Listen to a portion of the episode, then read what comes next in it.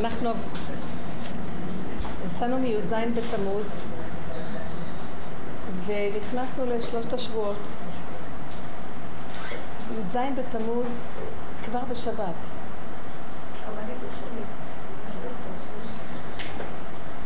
תכף השופר ילך הלוך וגדול. התבוננתי עוד לפני י"ז בתמוז, פחדתי מעצום נורא. לא בגלל שאני כל כך אכלנית, אבל לא יכולתי לסבול כבר עוד פעם גלגול כזה של ימים כאלה. הלוא כולנו מרגישים את זה. ובכיתי להשם. מה, מה, מה, למה אנחנו לא נגלים כל כך הרבה שנים מה, מה, מה, מהחורבנות האלה, מהמצב הזה של האבלות? והשם נתן לי תשובה, אני, קדם הרבה בקשות, תחינות, מה זה, למה זה, כל מיני טריקים, איך אני אחשוב שזה לא י"ז בתמוז, אני אקום ואני לא אחשוב שזה, זה רק יום רגיל, זה הכל במחשבה. כשאת יודעת שזה יום כזה, אז נכנסת למצב כזה. קורה לך הרבה פעמים שאת לא אוכלת עד שתיים, שלוש, מה יש? לא קורה? קורה. אבל כל הדעת שיש מאחורי זה, ואז התבוננתי וראיתי שזה הדעת. אם לא הייתי יודעת שזה י"ז בתמוז, הייתי כל כך עצובה, כי יש ימים שאת לא אוכלת, אז מה, את קמה בבוקר ורצה ולא אוכלת, יש כאלה ימים. זה לא השתייה, לא אכילה. אולי כוס קפה, כן. אבל ישר ראיתי, זה הדעת. זה עונש על הדעת. זה הדעת גרמה את כל הבלגן הזה. זה ההתרחבות של האדם מהשורש הפרטי, הנקודתי שלו. מהו השורש האמיתי של האדם? כתוב בראשית ברא אלוקים את השמיים ואת הארץ. בראשית זה בורא עולם. ברא, היסוד גלם, חומר גלם בבריאה. והארץ הייתה תוהו ובוהו. ואחרי התוהו ובוהו, שזו הבריאה הראשונית,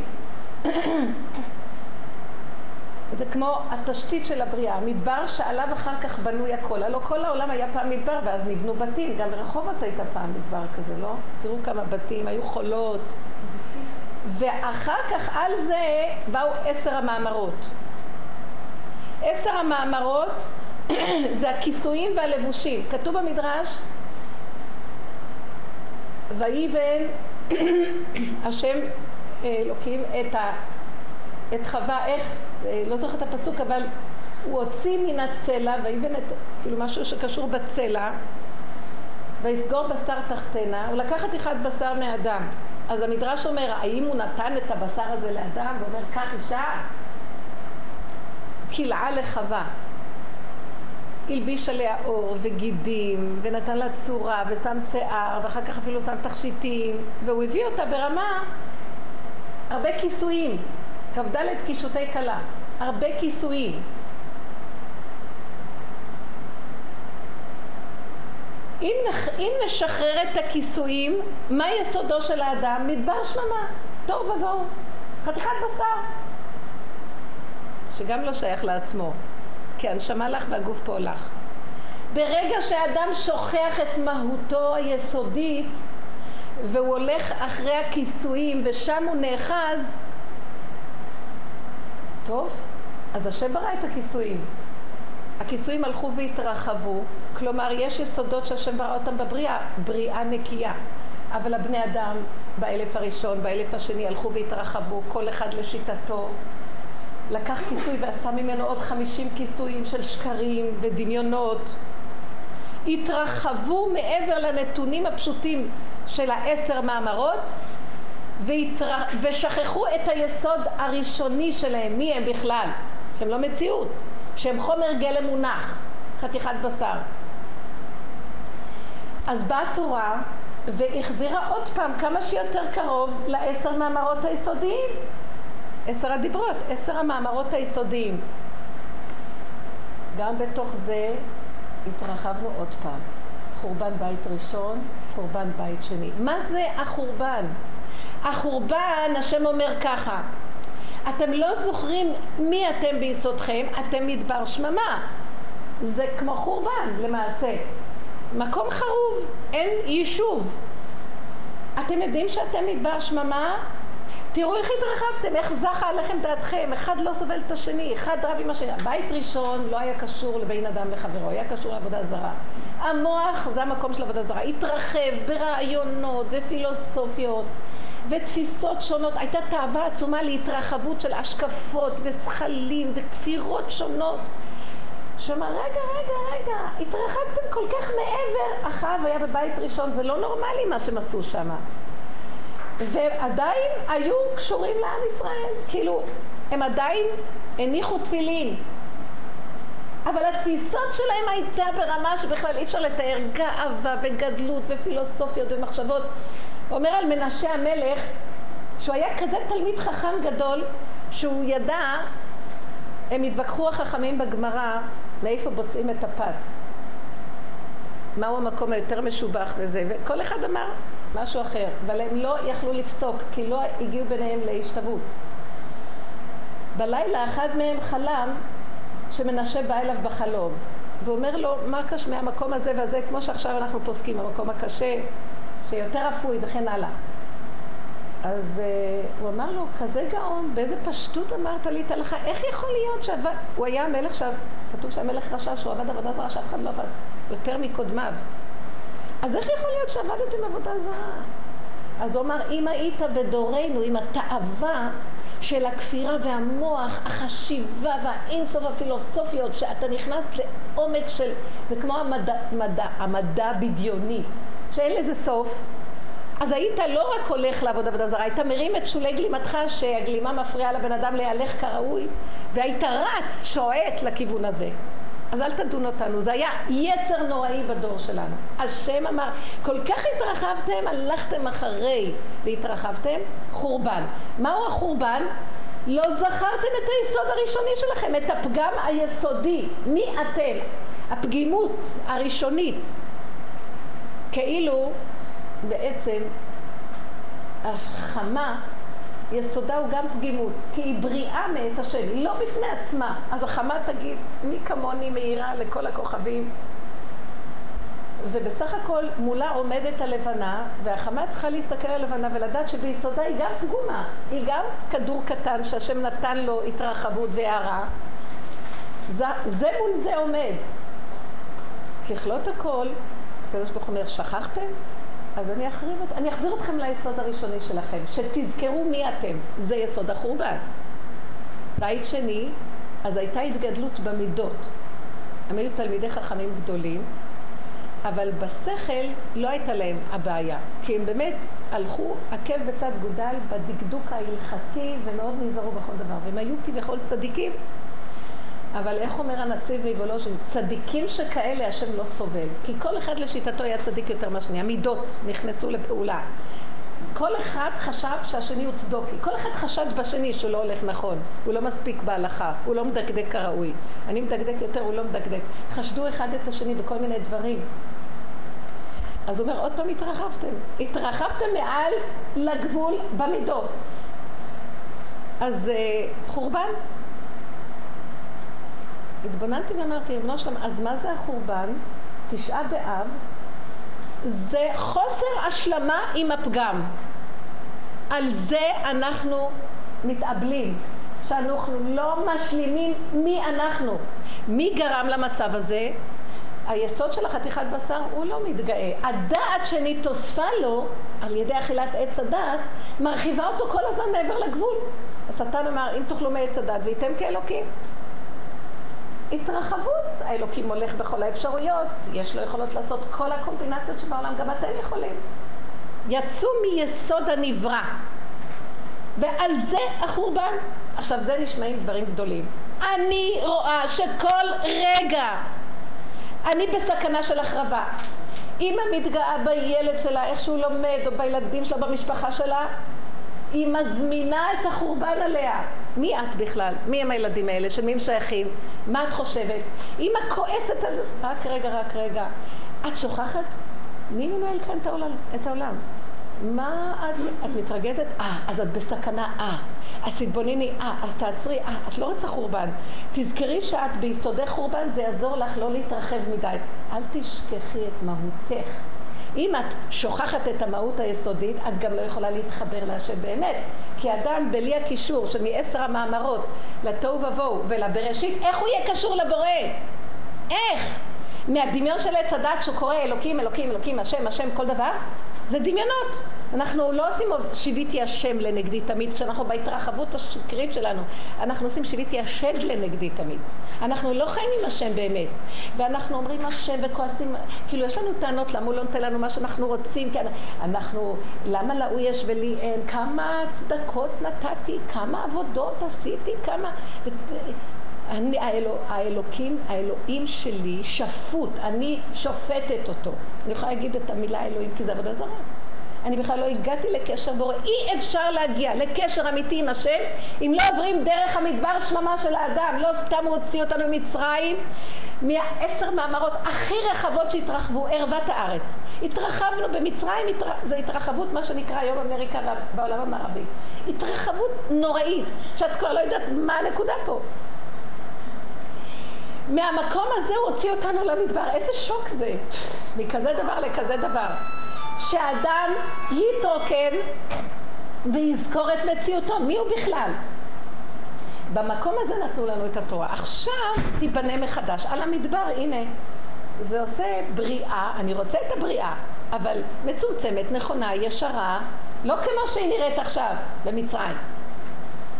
עכשיו אם אנחנו לא כל הזמן חוזרים למדבר, הסכנה של העולם עלינו נוראית ואיומה. אנחנו היום נמצאים לקראת הסוף בדיוק במצב שהיו במצרים, יותר גרוע אפילו. איך?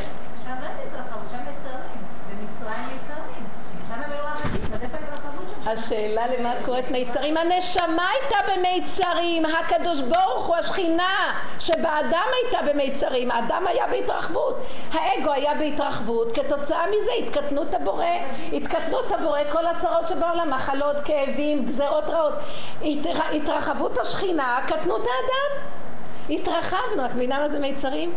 אני כלוא במיצרים שעשיתי לעצמי.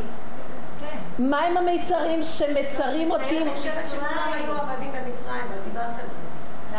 הם היו עבדים במצרים. את חושבת שלא דנים את העבדים ואת העניים אחרי 120? לא, לא, את יודעת מה דנים אותם? למה הייתם עבדים ולמה הייתם עניים? והם עוד יגידו היינו עבדים. אתה גרמת שתהיה עבד, אתה גרמת את העניות לעצמך, את גרמת את הצרות לעצמך. תעצרי.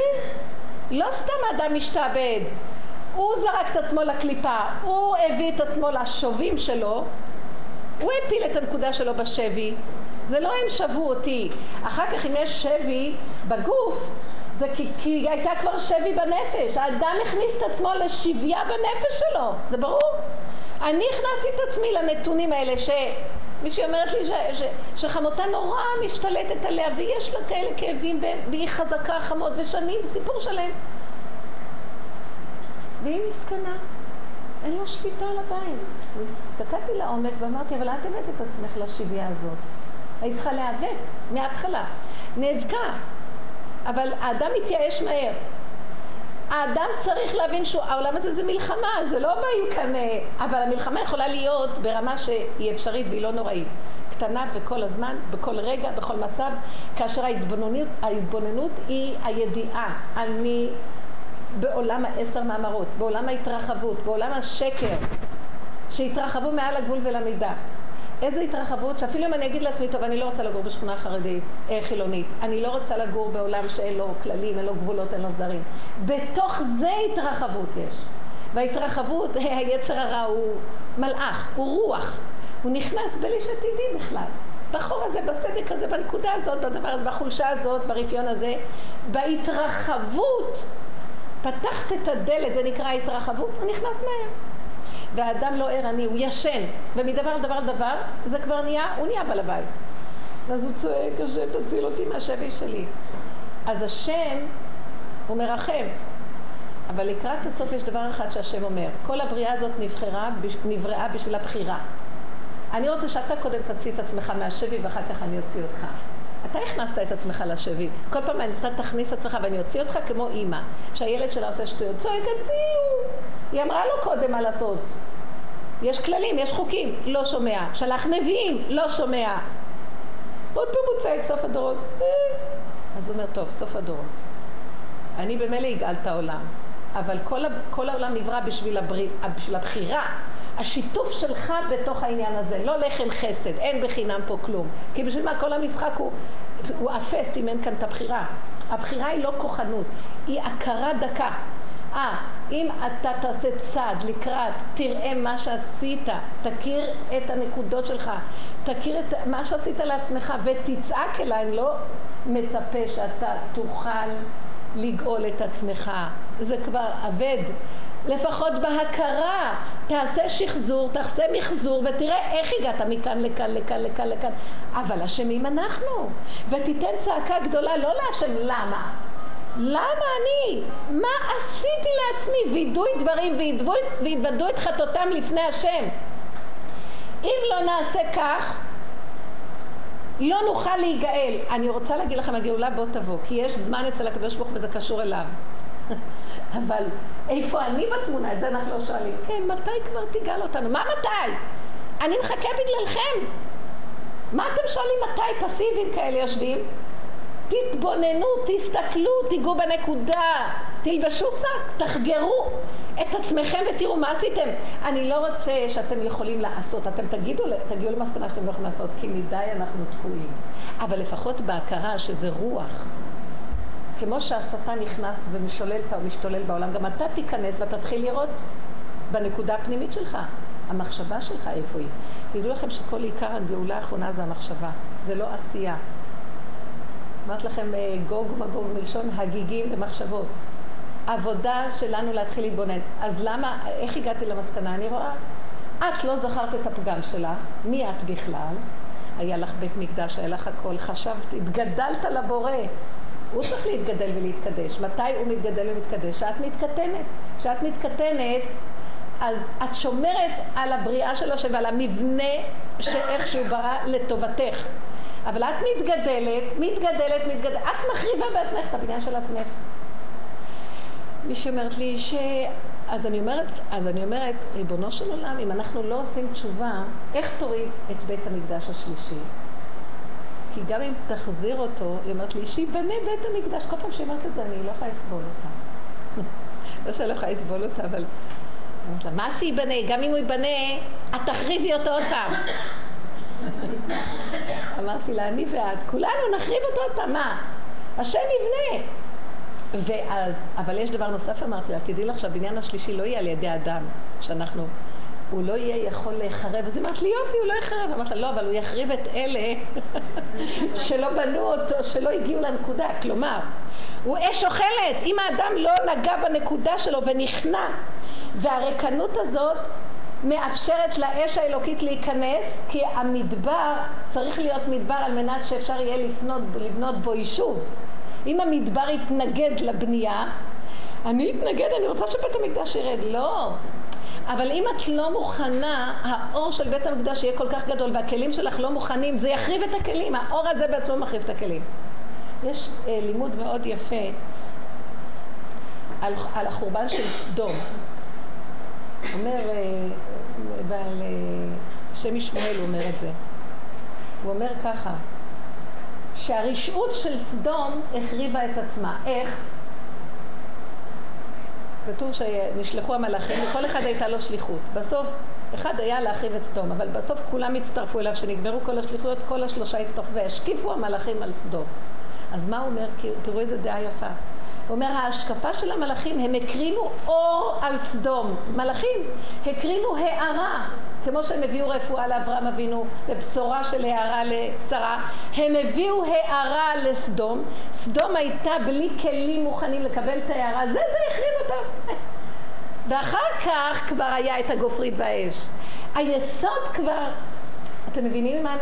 זאת אומרת, האדם יושב והוא טיפש, הוא לא מבין מה, מה, הוא אטום מהלך על שתיים, והכל תלוי בו, שיתבונן ויראה. ברגע שהוא רואה את חטאתו, את נקודת פגמיו, את הפספוס של הנקודה שלו, וליבו נשבר בקרבו, זה נקרא תשובה, אז השם שומר שאם הוא יורד עליו, יש לו כלים. כלומר, שבירת הלב יכול להכיל את האור של הכלים יותר טוב מאשר כשאדם הולך עם התגאות הלב כי אז אותו אור שיורד, התגאות השם מול התגאות האדם, מחריב את התגאות האדם, האדם נחרב. תדעו לכם, אני ממש מבינה את זה לעומק, בנות, זה השגה שהשם נותן. כל המחלות שקורות עכשיו, כל הבלגנים שיש, יורד אור על העולם, אתם לא מבינים? הג, הגאולה מתחילה.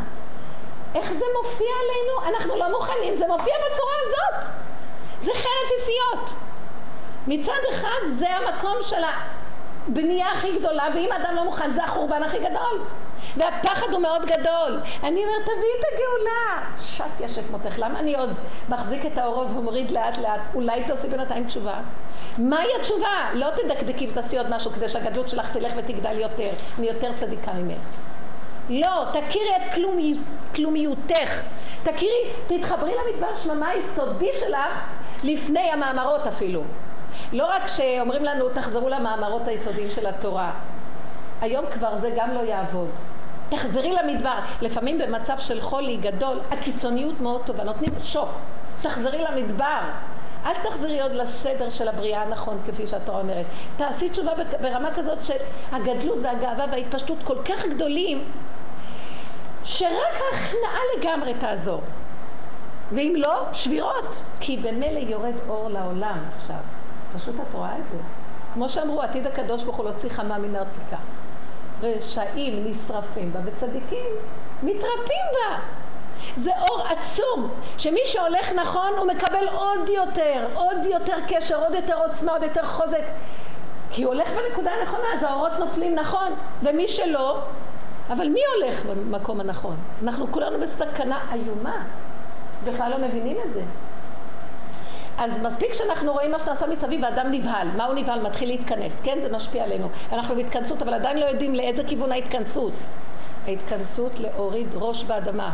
תזכרי מי את, דע מאין באת ולאן אתה הולך ולפני מי אתה עתיד ליתן דין וחשבון. וזה קרוב מאוד לפני מי שאתה עתיד ליתן דין וחשבון.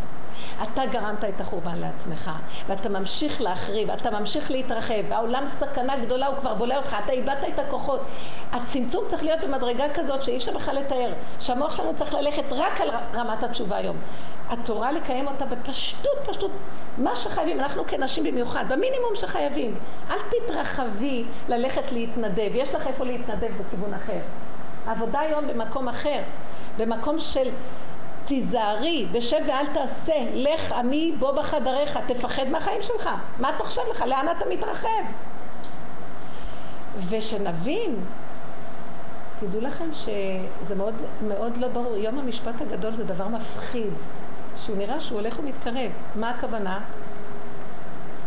תדעו לכם שכך קראתי באחד המקומות, סליחה רגע, שהוא אומר כך,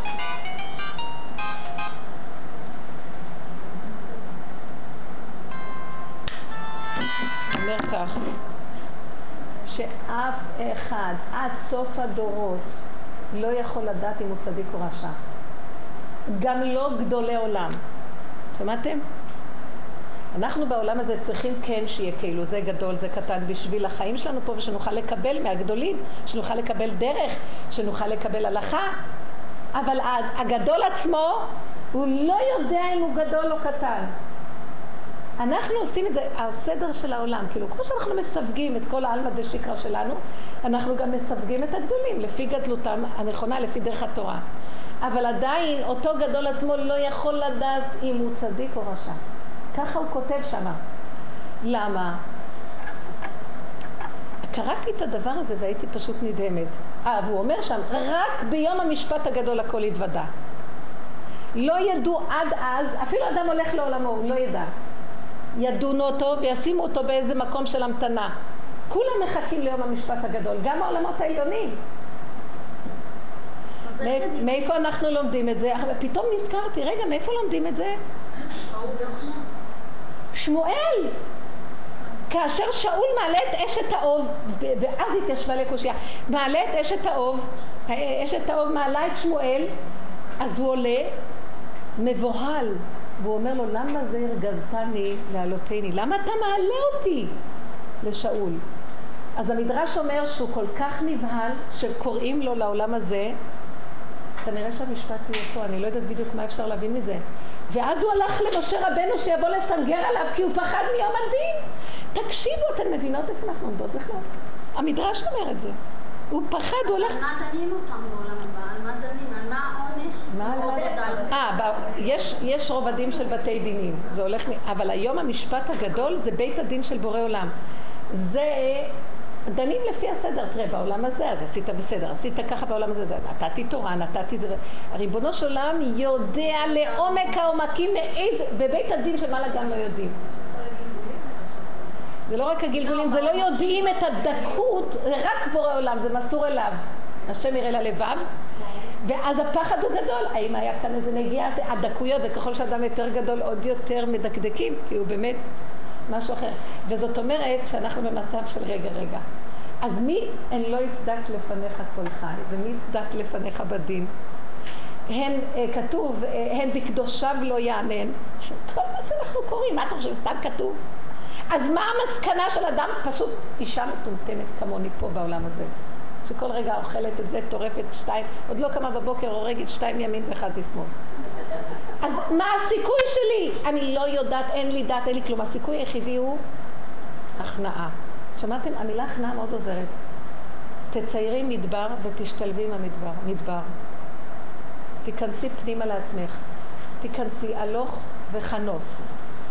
עד שתשכבי על האדמה. התקשרה אליי בדרך מישהי שבעלה עזב את הבית. יש להם כל כך סכסוכים, על מה בכלל אי אפשר לתאר. אז הוא אומר לה, כן, אני, את לא נותנת לי כבוד. הוא התקשר אחרי שבועיים, שהוא לא התקשר. את לא נותנת לי כבוד. כשאת עושה את העוגיות קוואקר, את לא שמה בהן מה שאני אוהב.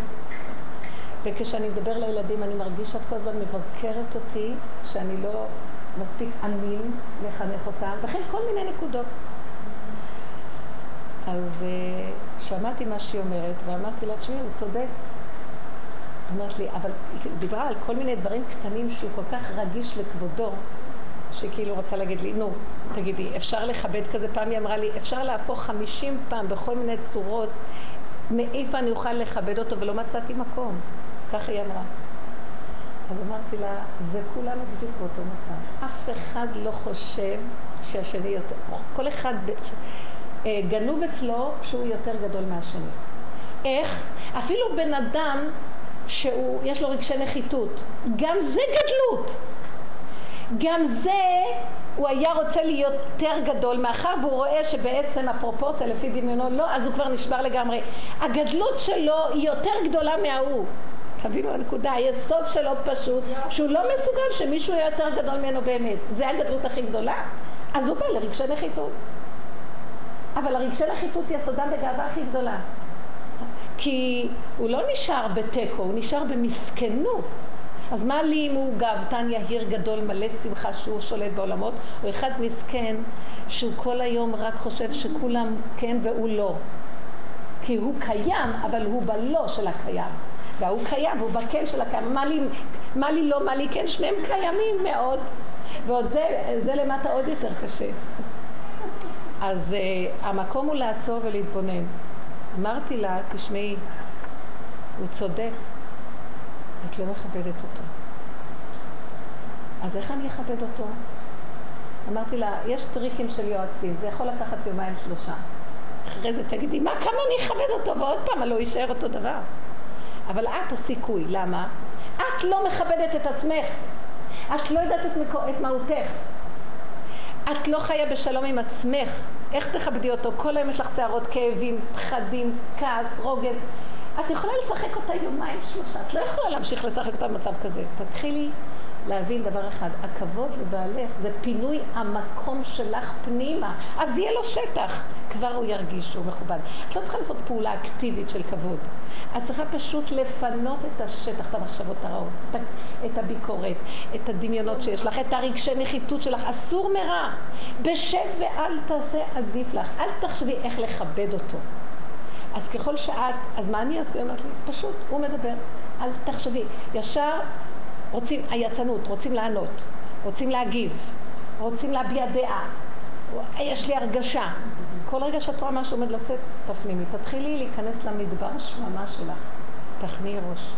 אבל דעי לך, המהלך מהכה לאטם, מהיישוב הנורא הרחב שיש לנו, עד למדבר שממה, הוא קשור עם הדיבור, ההכרה והדיבור, ובורא עולם נמצא שם. יהיה לך מתוק, אמרתי לה. את לא תהיי במסכנות, יהיה לך מתוק. רק זה מסכנות מסוימת, וזה המצרים, כי את רגילה כבר לשחרר את הכעסים ואת הדעות, ואת רוצה הרגשות, ואת רוצה אוילום, את רוצה עולם. אז תזהרי, כי העולם הזה לא נותן לך להיכנס למדבר שלך. שם נמצא השם, שם נמצא רגיעות. שם שומעים את הקול של השם, לא ברעש השם. שמה, אז היא אומרת לי, במדבר, מדבר הוא מסוכן, הוא קשה. אמרתי לה, כן, אבל שם יש ענני הכבוד.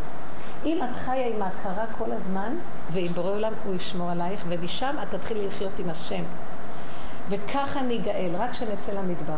כתוב, מצאתי כתוב בנביא, שלעתיד לבוא, החכמים מתמעטים ובורחים למדבריות. המדרש מהנביא כותב מת, מתמעטים ובורחים למדבריות. לאיזה מדבריות יברחו? פיזי? אולי, אני לא יודעת. אני חושבת שאנחנו צריכים להיות מאוד חכמים. זה הכל בנפש. כי אם אדם חי ככה בנפש, לא נוגעים לו בגוף. משמרים אותו, לא נוגעים לו בגוף. מישהי בשיעור ביום ראשון מישהי אמרה, כן, את יודעת איך העולם עכשיו, האינפלציה דוהרת, כבר בארצות הברית יש מצב מאוד קשה, ש, שרואים שמשם הולך להיות משהו מאוד גרוע, קריסת מערכות כלכליות גדולה, ואחר כך כל העולם, ויהיה רעב, וככה צופים. אז נבהלה, אז היא אומרת, מה, מה יהיה? כי יש לה כסף כמובן. אז היא אומרת, מה יהיה? מה יהיה? מה יהיה? אז אמרתי לה, תדעי לך, שלא נוכל להסתתר ולהימלט לאף מקום. כי גם במדבר היום אי אפשר להסתתר, כי יש מטוסים ויש פצצות ויש הכל. יש דבר אחד, אם אדם יודע את מקומו ונכנס שם וסוגר, אף אחד לא יראה אותו בעולם. אתם מבינים? הוא לא יהיה ניכר בעולם, והוא בגוף, והוא הולך ברחוב, ולא יראו אותו. תאמינו שזה עובד. הרואה ואינו נראה זה יהיה. ככל שאדם מצמצם, כי הדעת והדמיון הוא גורם שזה נתקל עם השני, זה הכל רוחות נתקלות. ואז גם הגופים בסכנה, אבל אם אנחנו מצמצמים את אותם רוחות ונכנסים ראש סגור, מוח סגור, לב, להיות אכזרי על השקר, את מבינה, אכזרי על המיצרים, על המצרים הזה שלנו שהתרחבה, ולהיכנס פנימה פנימה, ובפנים זה טוב. ככל שאני נכנסת פנימה, בהתחלה זה מאוד קשה, אבל ככל שנכנסים פנימה, רגע את מוציאה את הראש, את מר המוות, את אומרת ראש באדמה זה טוב, תחזרי פנימה. את נראית כמו אדם שרגע מפחד להוציא את הראש החוצה, כי מתוק בפנים. את אוכלת את הלחם שלך בשקט, את נהנית מהחיים. את לא צריכה יותר מזה ולא פחות מזה ולא כלום, הכל במשקל ובמידה, הכל בנקודה, והשם מחיה אותך מאותה נקודה. אבל אם את יוצאת החוצה, דמך בראשך. כמו שאמרה להם רחב, אל תצאו איש. זאת אומרת, אם אתם תצאו דמכם בראשכם, אה, אומרים לה אה, וכלב, אומרים ל... ל, ל אם, את, אם בני משפחתך יצאו מהבניין הזה, אנחנו לא אחראים. הכל צריך להיות סגור ומסוגר. זה עבודת נפש. מה שאנחנו מדברים פה זה במחשבה וזה בעבודת נפש. אם כן, דבר אחד צריך להבין. התבוננתי וראיתי עוד פעם לחזור ליסוד. מהו החורבן שלנו? למה אנחנו חריבים ולא נגמר? איזה תשובה עוד נדרשת? כן, נדקדק בצער של חורבן בית המקדש. פתאום ראיתי שגם זה שקר, סליחה. אני כבר לא יודעת, אני כבר לא מצטערת כל כך, אין לי רגש לזה, זה היה לפני המון זמן. אם אני אמיתית עם עצמי, שאין לי את הכוס קפה, אני יותר כאובה. סליחה. עכשיו אני מפרקת את נקודת האמת. ברור שבדת אני יודעת את הפספוס הנורא ואת החיסרון והחסך הנוראי שלנו בבית מקדש. אבל באמת, ואז לא קונים בגדים. אבל את יודעת, אנחנו לא קונים בגדים. את עוברת בחנויות ואת אומרת, אה, חבל לי אפשר לקנות עכשיו. טוב, נו, אחרי. אבל בליבך שמור הבגד הזה. את לא יכולה באמת להגיע לנקודה האמיתית של הצטערות בחורבן. העולם לא נותן לך. איך? עולם נראה לך שיא הפאר והדר. על איזה חורבן מדברים? בנו בתים והיכלות יותר יפים מבית המקדש, ובית המקדש היה הבניין הכי יפה בעולם פעם. על מה מדברים? שאנחנו נתגעגע. למה כבר? אין על מה להתגעגע. הכל יש. אבל אנחנו בגלות איומה. ואז ראיתי, ריבונו של עולם, מה שאני עכשיו מתאבלת על החורבן זה שקר, אני לא מתאבלת באמת על החורבן, כי אני איבדתי את היסוד של החורבן, אז אני לא יכולה להתאבד על זה, אני להתאבל. אני יכולה במוח לדמיין לי ולחשוב, אני, כל התורה שלי היא תורת מוח, היא לא תורת לב, אין לי לב אמיתי. אני לא עושה את הדברים האלה. באמת, אם אני מתבוננת, אני לא עושה. ואז ראיתי, רק שתורידי ראש ותיכנסי למדבר שממה של עצמך, שמה תוכלי להבין את החיסרון. ואל תצאי החוצה רגע, תחזרי לפגם שלך. כל חורבן בית המקדש היה כי שכחנו מי אנחנו באמת. אם היינו זוכרים, וכלפי חוץ משחקים הכל יפה, בגבולות ובגדרים, אבל זוכרים מי אנחנו, לא היו מחריבים את בית המקדש. לא זכרנו, הגוף בסכנה, החריבו את, בית, את גוף המקדש.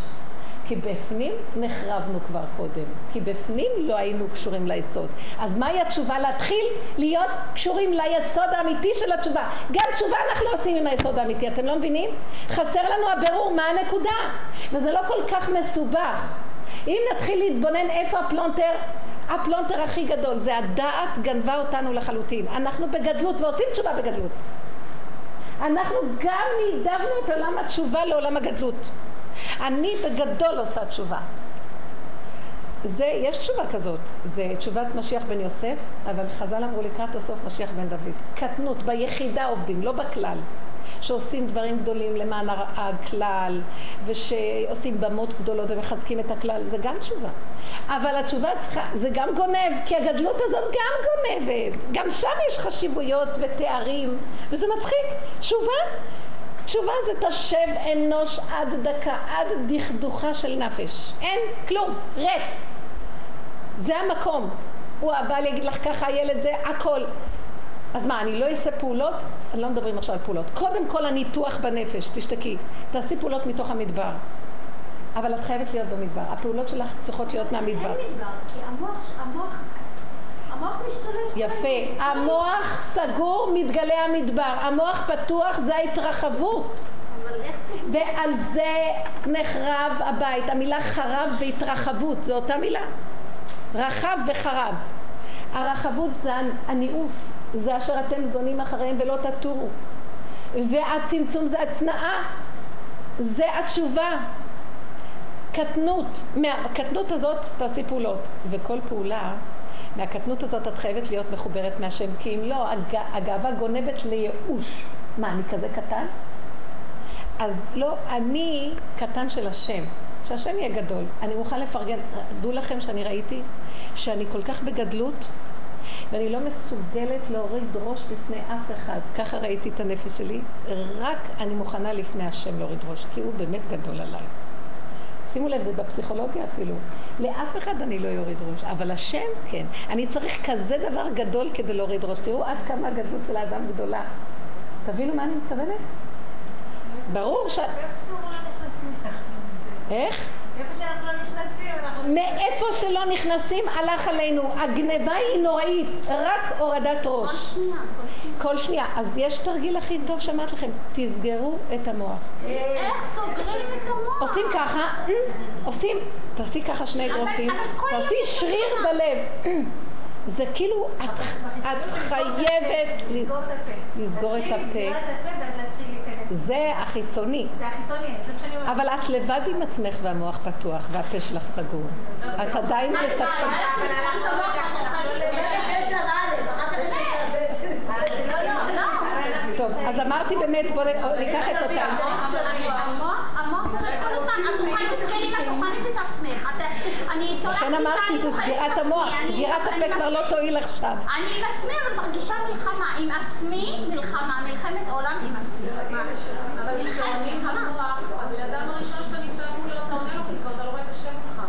זה הבעיה, הבן נפתח שאפילו. נניח מרימים לך טלפון, בסדר? ובאמת אדם ממול יש לו בעיה. בטבע יש לו בעיה. מה את עושה? את סוגרת את המוח,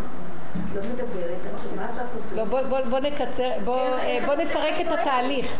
הבן אדם, אני קמה בבוקר, עוד לא קמתי, אמרתי לכם שאנחנו אומרים על מודה אני, מודה אני לפניך מלך חי וקיים.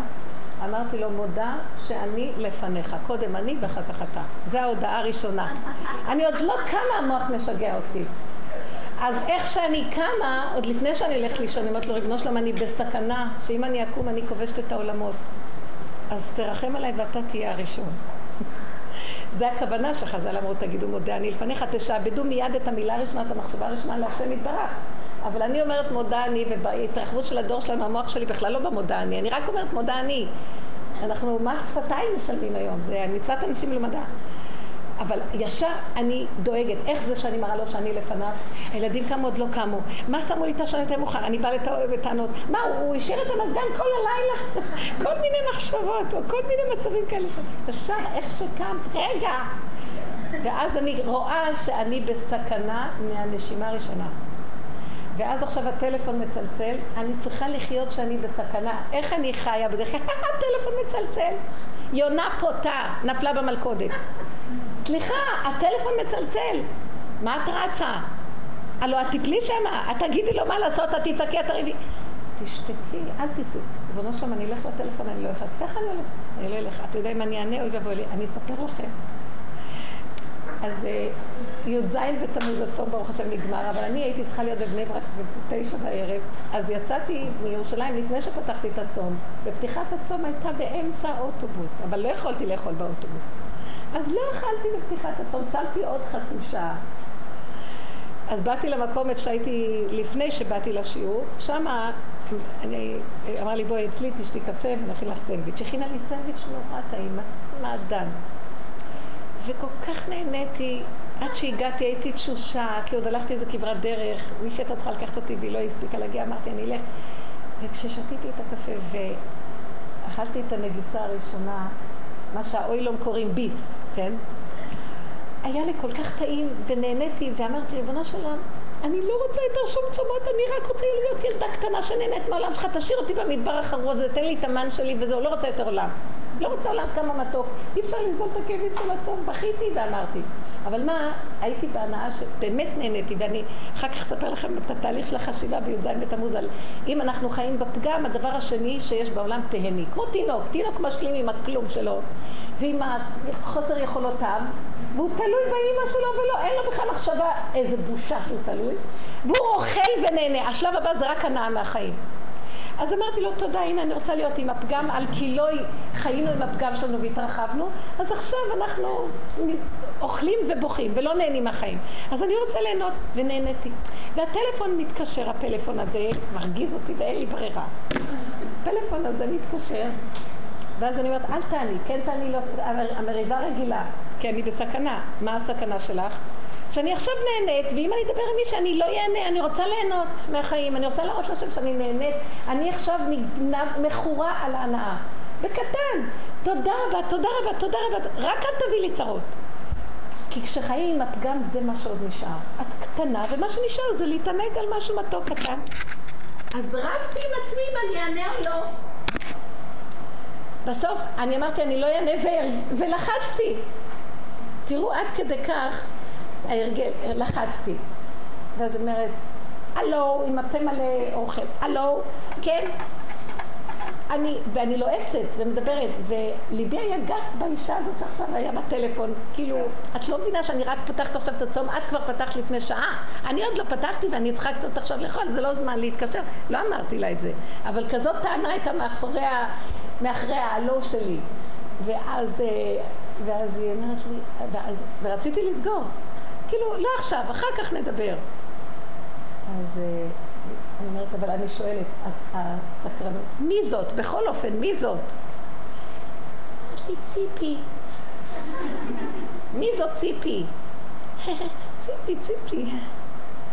ופתאום נפל לי הסימון. המחטיינסטי החדשה שלי! ציפי!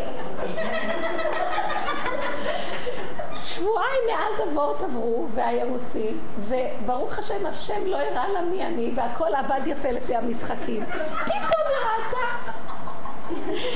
ואז לרגע נבלע לי אותו ביס מתוק. ואמרתי לה, אני אחזור אלייך עוד מעט. סגרתי, וכאילו ששפכה לה את לי מים קרים. ואז היה לי, כאילו ראיתי ישר את הצורה איך שהיצר בא, הוא לא ראיתי אותו כיצר בהתחלה, בא אליי הקול המוסרי של העולם שלנו החרדי, הרגיל. ואת לא יודעת אם הוא, מי הוא, יצר הטוב או יצר הרע, כן? הוא אומר, ככה מתנהגים.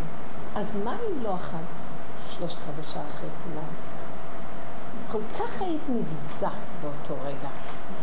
ככה את מתחילה את היחסים החדשים שלך עם המשפחה, וכן הלאה וכן הלאה, ותתביישי, קול של מוסר. ופתאום נכנסתי למדבר הזה, כאילו תשלימי עם הפגם, כי לא יכולתי לסבול את הכאבים של הקול הזה של המקל שהוא שם לי על הראש. ואז אמרתי, רגע, רגע, רגע, רגע, פתאום קם אותו חיה פצועה שלא יכולה לסבול את העולם יותר ורק רוצה להיות במדבר שזה הכי מתוק. מישהו בא עכשיו, דולה אותה בכוח החוצה ליישוב המפואר. ואז אמרתי, אה, אתה יצר רע, תלשתי לו את הזקן, סילקתי לו את הכובע, אמרתי לו, אתה מפה עכשיו. מה אתה רוצה ממני? כן, אני אכלתי ונהניתי והיה לי גם קול כזה וגם אני אמרתי לה ככה ומי זאת הציפי הזאת בכלל עכשיו? כל מה שיש בעולם היא כמו תינוק שרק רוצה לאכול ואז ראיתי שאני לא רבה באמת עם המוסר, אני רבה עם הדמיון שלי מעצמי, התדמיתנות של היחסים החרדיים שאני הולכת לבנות עם המשפחה החדשה זה דמיון כזה ואז ראיתי איזה שקרנית אני. אז מה אם אכלת ואמרת ככה? את רעבה? נכון, זו האמת. תלכי על האמת, אל תלכי על איך היית צריכה להיות. נכון, אכלתי, מה אתה רוצה? נכון, הייתי רעבה, אתה כל היום אוכל, לך מפה. אתה לא צם. אנחנו צמנו ואני צריכה לאכול, ועכשיו זה לא היה זמן לדבר. טוב, אז עניתי, אז בטעות עניתי. אז לא זכרתי מי זאת ציפי. אז אמרתי לה מי זה ציפי, כי יש לי מיליון טלפונים ביום, וכבר ליבי היה גס בטלפונים. פתאום הוא נעלם, כי אמרתי לו, נכון, אתה צודק. אני כזאת וכזאת וכזאת. ואחרי רגע שהשלמתי מה שאני, חזרתי למדבר שלי, שמע מה, פגם, אוכלת, בהמה, עכשיו לא מפריעים לה. כשהתנהגתי ככה עם עצמי, תאכלי תהני, מי, מי זאת הציפי הזאת? זאת אומרת, ציפי בכבודה במקומו מונח, אבל מה את עושה ממנה במוח שלך? זה הבעיה שלך. זאת אומרת, לא היה לי מלחמה עם ציפי, היה לי מלחמה עם עצמי. ואיזה כאבים זה עשה לי, הדמיון הזה של הציפי הזאת. היא מתוקה, אישה נהדרת, הכל טוב. זה אני עם עצמי, זה לא השם כמובן. זה שם אחר, אבל אני סתם שמתי שם בדוי. מה אכפת לי מאף אחד? ברגע שהשלמתי עם הפגם, ואמרתי, נכון, זה מה שאני. יש לי ציפי בעיה איתי, זה לא ציפי אמיתית, זה ציפי בדמיון שלי, יש לה בעיה איתי. אני בדמיון רבה עם כל העולם, באמת זה לא קיים. באמת שאני, אפילו זה לא היה כמעט אפס קצה, או רק הקצת שעוד עניתי ככה, זה נראה לי כאילו, אני מגדילה את זה בהצגה, כדי שתבינו מה קורה במוח של הבן אדם. איזה איסורים חייבים להיות מושלמים, ואיך יכול להיות, ולפעמים את מדברת עם מישהי, וזה נורא נחמד הדיבור, ואחר כך הלכת, ואז את משחזרת איך את היית נחמדה. ואז עוד פעם את נותנת לעצמך ציון, ועכשיו את עוד יותר שמחה. שימו לב, את נהנית עוד יותר, ואת עוד בא איזה ילד, את מפרגנת לו פי שניים. למה? מה קרה? מה קרה מאז שהיה לך ואת פה? כלום, הכל בדמיון. שימו לב איך הבן אדם נראה. ואז כשהשלמתי עם הפגם, אמרתי, תהני בחזרה מהאוכל, חבל לך לבזבז את ההנאה על שום דמיון בעולם. ההנאה היא חושית, אמיתית, ואילו הדמיון של הגדלות של הדעת והגניבה שלו זה השקר הכי גדול. תרצי להתאבד בשביל ליהנות על החיים. את יודעת שאני מתאבדת על הגדלות ולא על ההנאה? אנחנו אוכלים ובוכים, אנחנו חיים ויש לנו הכל ואין לנו כלום מרוב, מרוב אה, דמיונות. ובאמת, אנחנו מתאבדים לטובת הפוך. במקום ש... עכשיו צריכים לעשות מהלך הפוך, להתאבד לא לצום. להתאבד ליהנות מהחיים, להראות להשם שאני לא רוצה לצום, אני רוצה רק ליהנות. אני רוצה להודות על מה שנתן לי. אני מסכימה להישאר במדבר הזה בשקט עם עצמי, כי שם זה המקום הכי מתוק. רק קח ממני את הצומות האלה, קח ממני את הכאבים האלה, קח את המחלות האלה, קח את הכל. לא רוצה להרים ראש. אני גנבתי, אכלתי מעץ הדעת, אמרתי, וייתן כאלוקים, זו התשובה שאני צריכה לעשות. לא רוצה להיות שום אלוקות, לא רוצה גדלות, לא רוצה התרחבות, לא רוצה הבנה, לא רוצה ידיעה, לא רוצה לריב, לא רוצה לנצח. אני לא רוצה שום... רוצה מתיקות עם האוכל. כמו שמישהי אמרה לי לפני עשר שנים, תלמידה שהייתה לי, והיא ילדה כל שנה, היא ילדה שניים. אי אפשר לתאר את מה שהלך שם. תוך זמן מאוד קצר, הייתה לה משפחה מאוד גדולה. ופגשתי אותה אחרי כמה שנים. והיא אומרת לי, אמרתי מה שלומך? אמרתי לי, מה מה שלומי? מה, מה נשמע? קחי בבקשה את כל הילדים ממני, תני לי חמש חפיסות שוקולד, ספר טוב, אני רוצה לצאת לנופש. לא רוצה יותר להיות פה. תביא לי שוקולד עם ספר טוב. איך שהיא דיברה, אני לא... אז הסתכלתי עליה ככה ואמרתי, נכון, היא צודקת, היא אומרת האמת. אני משתגעת, לא מעניין אותי, לא הילדים, לא בא לי, לא אף אחד. תני לי איזה משהו מתוק עם ספר טוב, אני רוצה לצאת, אני חולמת על זה כבר. אין לה רגע זמן לכלום. ואז עכשיו נזכרתי בזה ואמרתי, זה כמו אותה אחת לפני עשר שנים. לא רוצים כבר שום דבר, רק תן לי שימו לב, אם תהיינה קצת עם התבוננות על עצמכם, את, אני אפילו, אני חושבת שאני נראית ביניכם משונה, אולי אפילו משוגע. ואני חושבת שההבדל בינינו דבר אחד, אני יותר מתבוננת לעומק, ואני לא מוותרת על עצמי. יש לי זכוכית מגדלת. ואני יותר ויותר נכנסת פנימה, ואז אני רואה שיש אנשים שאפילו לא מבינים על מה מדברים. לא שהם במצב יותר טוב, הם אפילו אולי יותר גרוע, רק הם אפילו לא יודעים, הם, הם סבורים שהם עוד חיים. אני כבר מזמן ראיתי שזה לא נקרא חיים. חיים זה כשאת אוכלת, את אוכלת. וכשאת מתבוננת ותמונה, את מתבוננת. וכשמישהו מדבר אלייך, את שומעת. וכשאת מדברת, את לא רוצה לדחוק את הקץ ושהוא יקשיב לך, אלא את מדברת לפי הסיבות. הוא לא רוצה לשמוע, לא צריך. הוא לא רוצה זה, לא צריך. ככה. ואת חיה, את חיה עם עצמך. אמרתי לה, את רוצה לכבד אותו, את אותה אישה, איך אני אכבד אותו, מה אני אעשה?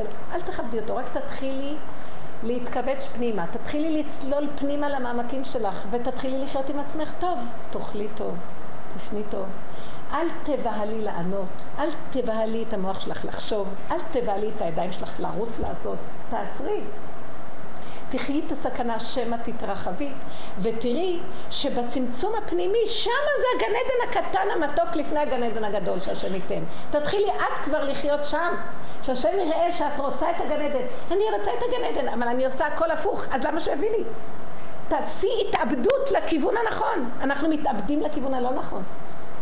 אז כשאת רצה בבוקר לטלפון, אז את בכלל אפילו עוד לא חושבת מה אני ארוץ או לא ארוץ, את כבר שואלת מה אני אענה לו, אני לא אענה לו.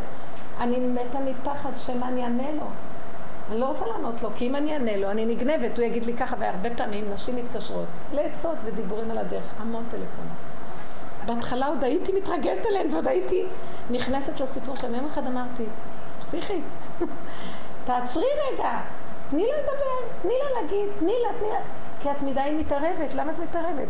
זה מאוד עזר גם לראות שדרך זה שהיא מדברת כבר הרבה תשובות יצאו ממילא ממה שהיא אומרת, כבר יכולתי להבין את התשובה של עצמה.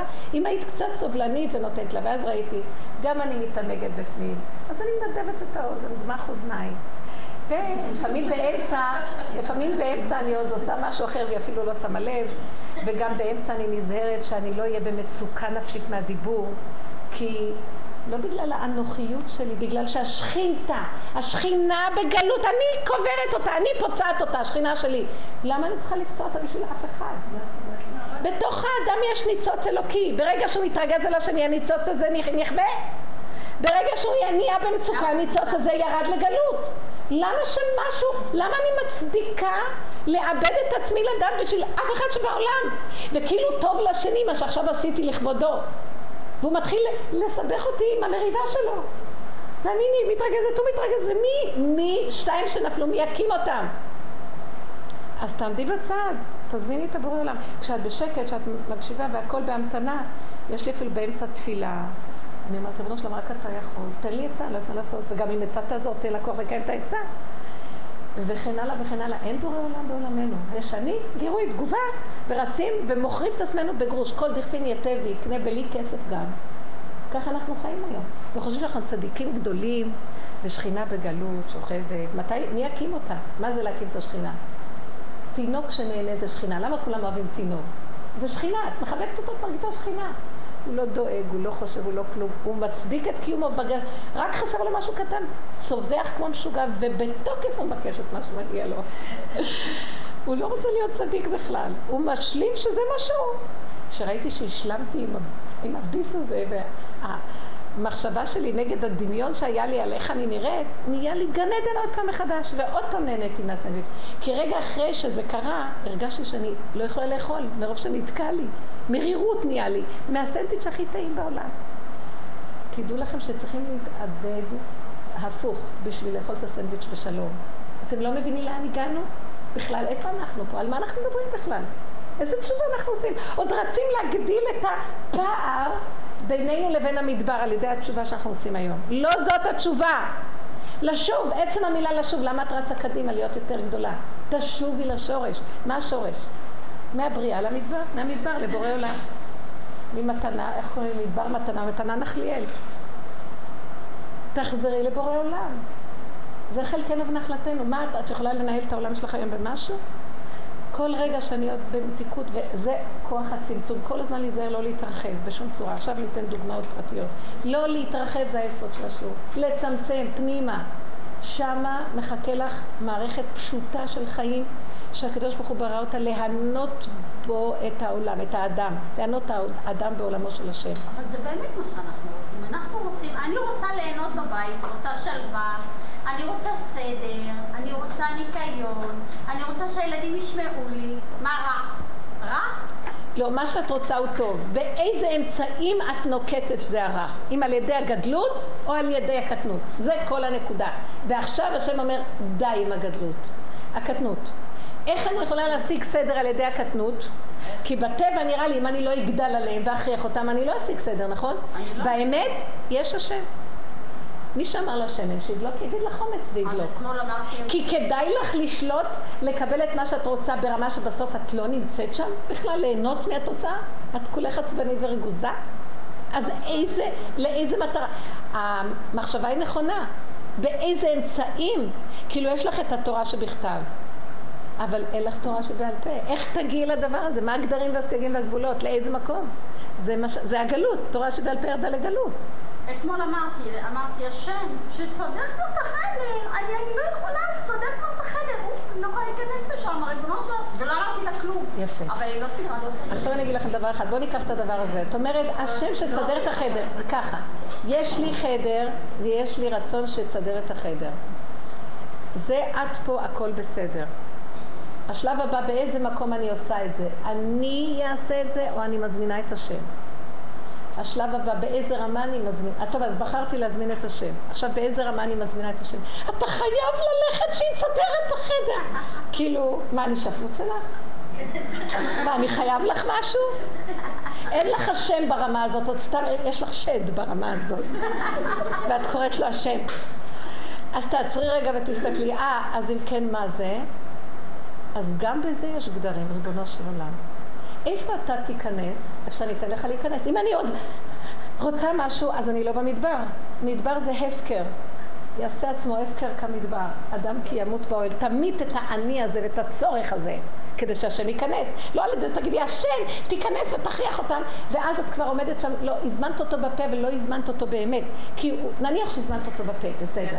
אבל היא... אה? היא נתנה לו תפקיד של לא רק נתנה לו, בדיוק, ולא רק זה, היא לא פתחה לו את הדלת שייכנס, היא רק אמרה לו, תעשה כך וכך, אבל הדלת נעולה. איך אני אכנס? לא, תדעו לכם, זה פשוט דבר מדהים. כמו שאת צריכה לפתוח את הפה לדבר ולהגיד, מה, הוא לא יודע מה שאני רוצה? למה אני צריכה להתפלל? צריכה להתפלל. אה, מה, הוא לא יכול לפתוח את הדלת? את צריכה לפתוח את הדלת. את לא מבינה שזה לא בעיה שלו, זה הכל שלי?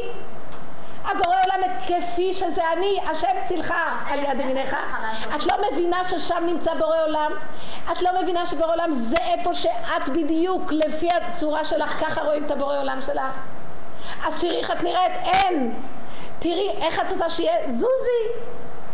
תזמיני ברמה של תזוזי, הכל יש לו גדרים, התורה שבעל פה היא גדרים, לא המה, האיך, איך תזמיני אותו ברמה של רכות. אם אני עוד... אתם יודעים מה תתרגמי לי? אם יש לי עוד אחיזה בניקיון ואני רוצה שינקו, אני לא יכולה להכניס אותו. שאני אגיד לא ריבונו של עולם, כן יהיה, לא יהיה, כי זה הפקר כמדבר. אבל כל עוד יש לי איזה רצון, אני הפקר? אני עוד יישוב שיש לו איזה כותרת. רגע, אז אני צריכה, אז רגע, מה שאני רוצה להבין, מה שאני, אז כשאני לא ארצה את הניקיון, אז הוא יבוא כאילו? כן. איך הוא יבוא? אני אגיד לך. זה, זה אל תשאלי. זה כבר לא שאלה שלך. איך הוא יבוא זה לא שאלה שלך. הוא לא מודיע לך איך הוא יבוא. אבל עד איזה גדולה אתה פוחד, לא, זה דבר אחד מאוד קטן. בנות, תבינו את זה. צריכים להגיע למקום של לשחרר את האכפתיות, לקרר את הלב המדומיין שלנו. אנחנו נהרגים על כל דבר. ימותו ולא בחוכמה. על כל דבר. אכפת לי, אכפת לי. מה אכפת לך? תפסיקי, תגידי לעצמך, מה אכפת לך? לא נכון, אבל החיים זורמים. למשל, בערב יש... היא קוראת לזה חיים. החיים זורמים. יש בערב, הבת שלי צריכה לסדר את השולחן אחרי ארוחת ערב, שמונה, שמונה גמרנו, שמונה ורבע גמרנו לאכול, שמונה וחצי יש לי כלה ב... צריך להיות מסודר. תסדרי. כל היום אני אסדר, אני כל היום מסדרת. כל לא... היום אני אסדר. תראי, תראי איך את מדברת. כל היום אני מסדר. מה יש לסדר? את לא נהנית אפילו מזה שכל היום את לא, אבל מסדרת. לא נכון, יש תפקידים מוגדרים, אני משלימה את הילדים, היא אם מסדרת, לא נכון, לא נכון. אני אגיד לך דבר אחד. אני אגיד לך, לא שהיא בלחץ. את יודעת מה? באה אליי איזו אישה, אולי אני אראה לך קצת את התמונה שלך, אבל איך זה קשה של כולנו. זה תמונה של כולנו. אנחנו רוצים להיות צודקים, לא רוצים את האמת. את צדיקה. וזה... לא, את צדיקה. לא, בפסיכולוגיה שלך את צדיקה. את רצה במוח כל הזמן ורוצה חיובי. זה נקרא צדיקה. תעצרי, העבודה שלנו הפוך על הפוך. פגם. תעצרי רגע, באה אליי איזו אישה, ביום שישי מתקשרת אליי, שהיא לא יכולה לשבת רגע בבית כי זה סכנה. אז אמרתי לה, תבואי, יש לי ברירה. לא חשוב, היא לא הייתה גרה רחוק, היא באה. וכל השבת היא סיפרה לי מה קורה שם, מה קורה שמה. בעלה, הוא לא יוצא מהבית, הוא כל היום בבית. ואיפה הוא, הוא תפס את המפקדה במטבח, ואיך המטבח קטן, מטר על מטר, שתי מטר. וזה כנראה אדם שעבר הרבה כאבים, העסקים התמוטטו לו, ואז מה הוא עושה? הוא שומע שיעור תורה, הוא כבר הפסיק, הוא היה פעם לומד, הפסיק הכל, הכל, בבית, כל היום. הולך להתפלל, בקושי. שומע הרבה חדשות. אז היא אומרת, אפילו אם אני אשים איזה קלטת, הוא סוגר לי את הקלטת ומדליק את החדשות.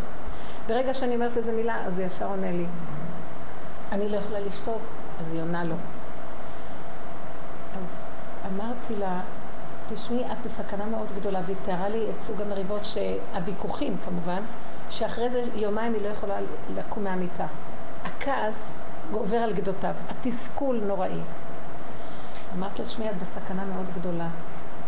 להתגרש היא לא תתגרש, ולא צריך גם. אמרת לה דבר אחד, את פשוט צריכה להיות מחוץ לבית כמה שיותר, כי הוא לא יצא מהבית. את צריכה לצאת. אז היא ישר אומרת לי, אבל אישה צריכה להיות בבית. והוא אומר לה, אם עד עכשיו פרנסתי, את תפרנסי ואני לא.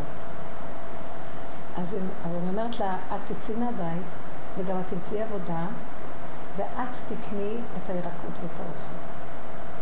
אז היא אמרת לי, אבל אישה, מה הוא כותב בכתובה? שבעלה צריך לפרנס אותה. מה שלא אמרתי לה, היא אמרה לי, אבל צריך.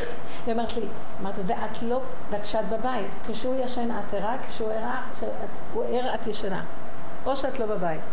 תקופה את חייבת לעשות ככה. אז היא עוד פעם מצדיקה ואומרת לי, אז איזה מין חיים אלה? אז אמרתי לה, כאילו שעכשיו יש לה חיים. צריך למות עד הסוף על מנת להתחיל לחיות מחדש. איך שאת חיה עכשיו זה לא חיים ולא מוות, זה לא כלום. אז היה לה מאוד קשה, וראיתי כל, ש... כל שאלה שהיא שאלה אותי היה, היא הצדיקה את מה שכתוב. אבל זה לא נורמלי. אבל זה כתוב שאיש נותן לאשתו את ה... אבל אישה צריכה להיות במטבח ולא האיש. אבל אני לא אסתובב ברחובות, כל כבודה בת מלך פנימה. הכל צודק. אבל אמרתי לה, אם היית יכולה לחיות עם פה סגור בבית, ולהיות בגוף שלך בבית, בלי להתרגש ממנו, כי את חיה את הסכנה ועובדת עם הנקודות שלך, מוח סגור, רגש סגור, את עושה את הפעולות שלך ואת לא, לא נתקלת בו, הייתי אומרת לך כאלה עצות תצאי מהבית, אבל את לא מסוגלת. לא יכול להיות שיגיד מילה בלי שתענה חמש מילים. והיא אישה נורא טובה והיא מפחדת ממנו, מרוב הפחד היא עונה לו. כי הוא אדם כנראה חזק מאוד. אז היא, אמרתי לה, תגידי, מה שאני אגיד לך, את עונה לי, אז מה, למה את מדברת איתי? מה את רוצה ממני? והיא מובילה לכיוון בדיוק כמו שאת אומרת, לא, אבל בית צריך להיות מסודר, אבל הילדים צריכים לעשות, אבל אי אפשר לחיות בכזה בלאגן, אבל, אבל, אבל, אבל, אבל, אבל, אבל את לא חיה, תתחילי מזה. אז עכשיו את מתאבדת, אז סוף סוף את לא חיה, תתחילי להתאבד לכיוון ההפוך. הפך השכל, את מבינה? את לא מבינה לאיזה מצב. אנחנו, לא, אנחנו בכלל יודעים איפה אנחנו נמצאים, באיזה גלות חשוכה, שאנחנו עוד מצדיקים את המיטות המשונות של עצמנו וממשיכים לרוץ אלי קרב דמיוני שמתים וקמים ומתים עוד פעם. סליחה, אולי נתבונן, היום אני אומרת, אני רק מגיבה איזה נקודה קטנה, אני ישר בסכנה, אני כבר כל כך ברגישות, אני יודעת את עצמי, אני מכירה את הסכנות שלי. אז תשתקי. תתחילי עכשיו לעבוד עם המוח, בשביל מה את צריכה שהחדר יהיה מוכן? נכון שזה מאוד יפה, אבל מה, מה התמורה שאת משלמת בעבור זה? שאת כל היום עצבנית, ואת עושה כאילו אדם שכבר לא יכול לסבול את החיים. במילא את לוקחת עוד דבר על עצמך, עוד דבר, עוד דבר, כי הם לא עושים. את לא עושה את זה מתוך חדווה, לא מתוך רצון, לא מתוך חשק, לא מתוך כלום. איזה מין חיים? איך העולם נגמר? והאם היהודייה היום מוצאת את עצמה במצב של היא לא רוצה לחיות לפעמים. אני פוגשת נשים צעירות שהן כבויות. בשל, בשלום בית, לא שיש בעיה בשלום בית, אבל כבר ממילא שאין טעם בחיים, מכל מיני דברים קטנים שהיא רוצה, ואין אז כבר ממילא אין טעם על מה לחיות. אז הכל כבוי, כבוי, וחיים בדיעבד. ממילא חייבים לעשות המון פעולות, כי יש ילדים ויש חיובים. אנחנו לא נפקיר, הגברים לפעמים כבר מפקירים. כשהם נכבים, או כשמסביב כבוי ואין להם מאיפה להחיות את עצמם, הם לא מהססים לשכב על האדמה. במרכאות. אנשים לא יעיזו, הם ימותו על קידוש השד. הם לא יעיזו, כי יש לנו את הכוח של האחריות. אז אם כאן לפחות הייתי אומרת, כולנו באותו מקום, לפחות הייתי אומרת דבר אחד, תוך כדי זה שאת פועלת פעולות, כי את לא תעזבי את המערכה, לפחות את הנפש תשכיבי על האדמה. שיהיה איזה גולם שעובד, ולא עם הבוץ את נכנסת לכל מצב, עם הידיים והרגליים וכל העצמות. איך את חיה ככה? אז זה התאבדות, איך שאנחנו חיים. ולא נהנים מכלום, וברגע שאת תשכיבי את הנפש, הידיים יעשו. ברגע שהידיים יעשו ככה, גם הבית יהיה ככה לאט לאט. הכל זה תשקיף שלך. לאט לאט תהיה רגיעות. אולי יהיה הפקרות בחוץ, אבל פחות עצבנות, פחות לחץ, פחות מתח, פחות שוטרים גנבים, פחות גירוי תגובה, ולאט לאט יכול להיכנס משהו, מהלך שאת לא היית מאמינה. הקדוש ברוך הוא נכנס בליבות הבני אדם כשהם ברכות. והוא מפעיל אותה, פתאום נותן לו מחשבה טובה, להוא נותן חשק, זהו, נותן איזה רצון, את כבר במקום אחר. תמיתי את אותו כוח של ישות וכוחנות שגנב את המלכות של השם. פשוט, בפירוש אני רואה את זה כך. אני אומרת את זה לעצמי. אמרתי לו תחת, אם את לא תכריחי את עצמך לצאת החוצה, הלך עלייך. חזרה, ונשארה אצלי עד יום, עד שיצאתי לבני ברק ביום ראשון, ורק דיברנו. היא חזרה הביתה אמרתי לה, תלכי, הייתה נסיעה לקבר רחל, תיסעי לקבר רחל, תגיעי כשהוא הולך לישון, מאוחר, תלכי לאכול, יש איזו חברה שם שהם הלכו ביחד לבית שלה, ותחזרי הביתה. תחזר, חזרה מאוחר בלילה, הוא כמובן ערב לה, כי לא הייתה בבית שלושה ימים. אז הוא איפה היית? ואז אני אומרת לה, וכשאת הולכת, את לא מדברת. תעשי לי חסד, לא, זה כבר זוג שהילדים התחתנו. תעשי לי חסד, תראו באיזה מצבים אנשים נמצאים. תעשי לי חסד, תשתקי. מגיעה הביתה, אני למחרת התקשרתי אליה, מה נשמע? מה מה נשמע? ישר אמרה לי, עוד לא גמרה, אמרה לעצמה, את לא תעני, עוד לא גמרה להגיד, את לא תעני, יצאו לה שלושה מילים. כאילו שאכפת לך ממני משהו. ואז רק לזה הוא חיכה. הלא מזה הוא מתפרנס. פו, קלחת כזאת. כשדיברתי איתה, היא אומרת לי, אני עוד פעם חולה. אמרתי לה, אז תצאי מהבית, ואל תצדיקי שאישה צריכה להיות בבית, אין לך ברירה. תראו לאיזה מקום אנחנו יכולים להגיע. פשוט את תמצאי עבודה ומנסה לחפש למה לעשות דברים, את לא תהיי בבית. תצאי תכזי, תצאי תכזי, אין לדבר, עד שתתאמני לשתוק. ובמקום הזה יתחיל להיות משהו טוב. אבל צריכים לעבוד עבודה פנימית חזקה. על פי טבע, גירושים. אבל אי אפשר עכשיו להתגרש אחרי שכל הילדים נשואים ויש מלא נכדים ובאים אליהם בשבתות. יש ביניהם מתח מאוד גדול. אבל זה נובע הרבה מזה שהיא עונה עכשיו, ו... כי הוא במצב כאוב. אז תעזבי אותו, תעזבי אותו נפשו. אבל אנחנו לא יודעים לעזוב את השני, אנחנו כל הזמן, אז העיר רצה לכבד את בעלה, אמרת תעשי לי טובה, אל תכבדי אותו, תכבדי את עצמך, תכנסי פנימה ואל תעני, זה כבר עושה לך כבוד. תכבדי את הנקודה שלך, תהני, תשתקי. כשאת מדברת את כל כך בלחץ וכאובה, את רוצה לרצות, תשתקי. את רוצה להתווכח, להוכיח לו שאת בסדר, לא התכוונת כך וכך, תשתקי. שיחשוב, אבל הוא יחשוב ככה, שיחשוב. תתחילי לחיות באמת כמו שאישה ביסוד שלה צריכה לחיות תמידות. תסתכלו איפה אנחנו נראות. איפה אני ואיפה הנשיות שלי? האישה זה רחל אימנו. למה יעקב אבינו השתגע לו עלה של רחל? מה, יש לו עוד שלוש נשים. היה שם את המשכן שלו שם, הוא היה בא הביתה. כל המרחב שלו. היא הייתה בפנים, הייתה בפנים, היא הייתה... מה זה שהיא הייתה בפנים? אמא שלי עליה שלום אמרה לי פעם. אה, היא אומרת לי, אה, פעם אמרתי לה, אמא, איך את יודעת כל מה שנעשה בשכונה? תמיד הייתי באה, אמרת לי, את יודעת שזה ככה, והוא ככה, וזאת התחתנה, והוא זה, אמרת לה, אמא, איך את יודעת מה שנעשה בשכונה? תמיד את יודעת כל מה שנעשה. היא אומרת לי, כי אני לא יוצאת מפתח הבית. זו הייתה התשובה שלה. מה זאת אומרת? כי עד, אל, עד אליה הכל מגיע. החושים שלה דולקים, היא לא מבזבזת את הכוחות שלה בחוץ, היא הייתה אישה מדהימה, היא לא מבזבזת את הכוחות שלה בחוץ. לא את הפה שלה ולא את הכלום, על יד מזוזת הבית. אמא שלה אמרה לה ככה, אמרה לה, את לא יוצאת ממזוזת הבית, יותר טוב לך. וכל הכוחות שמורים, החושים שמורים. עכשיו שמישהו אומר לה משהו מדבר היא שומעת, דבר שומעת, היא ערנית. היא לא מבוזבזת. הכל נקלט במקום, הכל מגיע עד אליה. פשוט תשובה שלה הדהימה אותי, כי אני לא יוצאת מהבית. מה את חושבת שבחוץ שומעים שמועות? בחוץ מתבלבלים עד שלא שומעים שום דבר ולא רואים כלום. כשנמצאים בריכוז ובפשטות ובפנים, אז הכל נראה במקום. את שומעת מילה, את כבר יודעת. את שומעת עוד נקודה, זה כבר, את מתחברת דברים. אישה בינה יתרה, ויש לה את כל המידע מסודר. ועד אליה היו מגיעים דברים, ממש. כל כך מתיקות, תראו איך אנחנו נראים. אפילו אם נהיה בבית, המוח כל הזמן טוחן בכלל, אנחנו לא עם עצמנו. זה מה שבדיוק עכשיו חשבתי, גם בבית זה לא יעזור לי. בדיוק, אנחנו היום, הקלקול נכנס עד לחדרי חדרים, זה לא שהוא צריך גוף להיכנס, ברוח היצר נכנס. צריכים לסגור את המחשבה. תראו, התרגיל הוא כזה, להתחיל להכיר שאנחנו, קודם כל אה, אקסיומת יסוד, הנחת יסוד, העולם מעוות לא יוכל לתקון, אל תחפשי שם כלום יותר. דבר הבא, את בסכנה גם. דבר השלישי, תסגרי ותנעלי. גן נעול אחותי כלה, גל נעול. גן, אמרו חז"ל, אלו הבתולות, גל זה הנשואות. לא חשוב, נשים. סגור, נעול. אפילו שאת יוצאת לרחוב, תצאי עם מנעולים ובריחים. כלומר, החושים צריכים להיות מרוכזים. פוגש מי שאת לא חייבת לשבת, אה, מה נשמע? את מדברת עם זאת רבע שעה, עם זאת עשר דקות, עם זה חמש דקות, עם. איך שלא תגלשי? מי צריך את כל החברתיות הזאת? דיברנו על זה. שלום, שלום. אז מה היא תחשוב עליי? שתחשוב עליי. אין חשבונות, היא לא תחשוב עלייך, כי את לא חושבת עליה.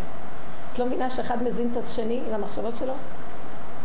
אז עכשיו, מישהי, אה, פגשת מי, מישהי, מתחילה לדבר איתך על זה, את לא חייבת להגיב. אחרי רגע, תשקלי תוך כדי שמדברת, כדאי לי להישאר פה, כדאי לי להגיד מילה, לא כדאי, יש שייכות, יש איזו אינפורמציה שיכולה לעזור, משהו שיכול לתת, לא, שלא, אני צריכה ללכת מהר. אל תתביישי להיות תכלס, את לא מבינה? למי את עושה טובה? לא לה ולא לך. זה חשבונות של שקרים אנחנו עושים. כל הזמן אנחנו מעוקמים לבעל, כמה דיבורים, כמה לענות, כמה להשיב, כמה... שום דבר. שתיקה זה דבר יפה.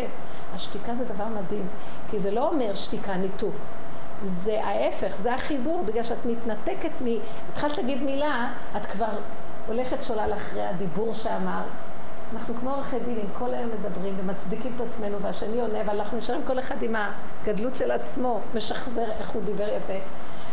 אז את לא בכלל חיה עם השני, את חיה עם עצמך כל הזמן, את רבה עם עצמך, את שמה לב למצב הזה? תעצרי, עדיף לך לא להגיד, תהיי בריכוז, בשקט, תחי עם החושים, תאכלי טוב. תשתי, תסתכלי על דבר, תהני, תקשיבי, תשני טוב. אין לך שום דבר יותר בחיים, הכל נגמר, אין כלום. איך אני יודעת? שבת, שבת זה התכלית של הבריאה. מה יש לעשות בשבת לנו? כאילו איזה עולם מחכה לנו אחרי ככלות הכל? אוכלים ושותים וישנים. מתענגים על דברים הכי פשוטים. מה זה שבת? תגידו לי. מכינים מאכלים ומשקאות, סלב, ברבורים, דגים. מה? אני חשבתי, מה מחכים לעולם, מחכים לאלף השישי, סוף האלף השישי והשביעי, מה יהיה? עולם חרוב, מה עושים? באוכלים ושותים. מה עושים? איזה דמיונות יש לאדם, כל מיני פרויקטים וסיפוקים ועניינים של גדולות, כלום.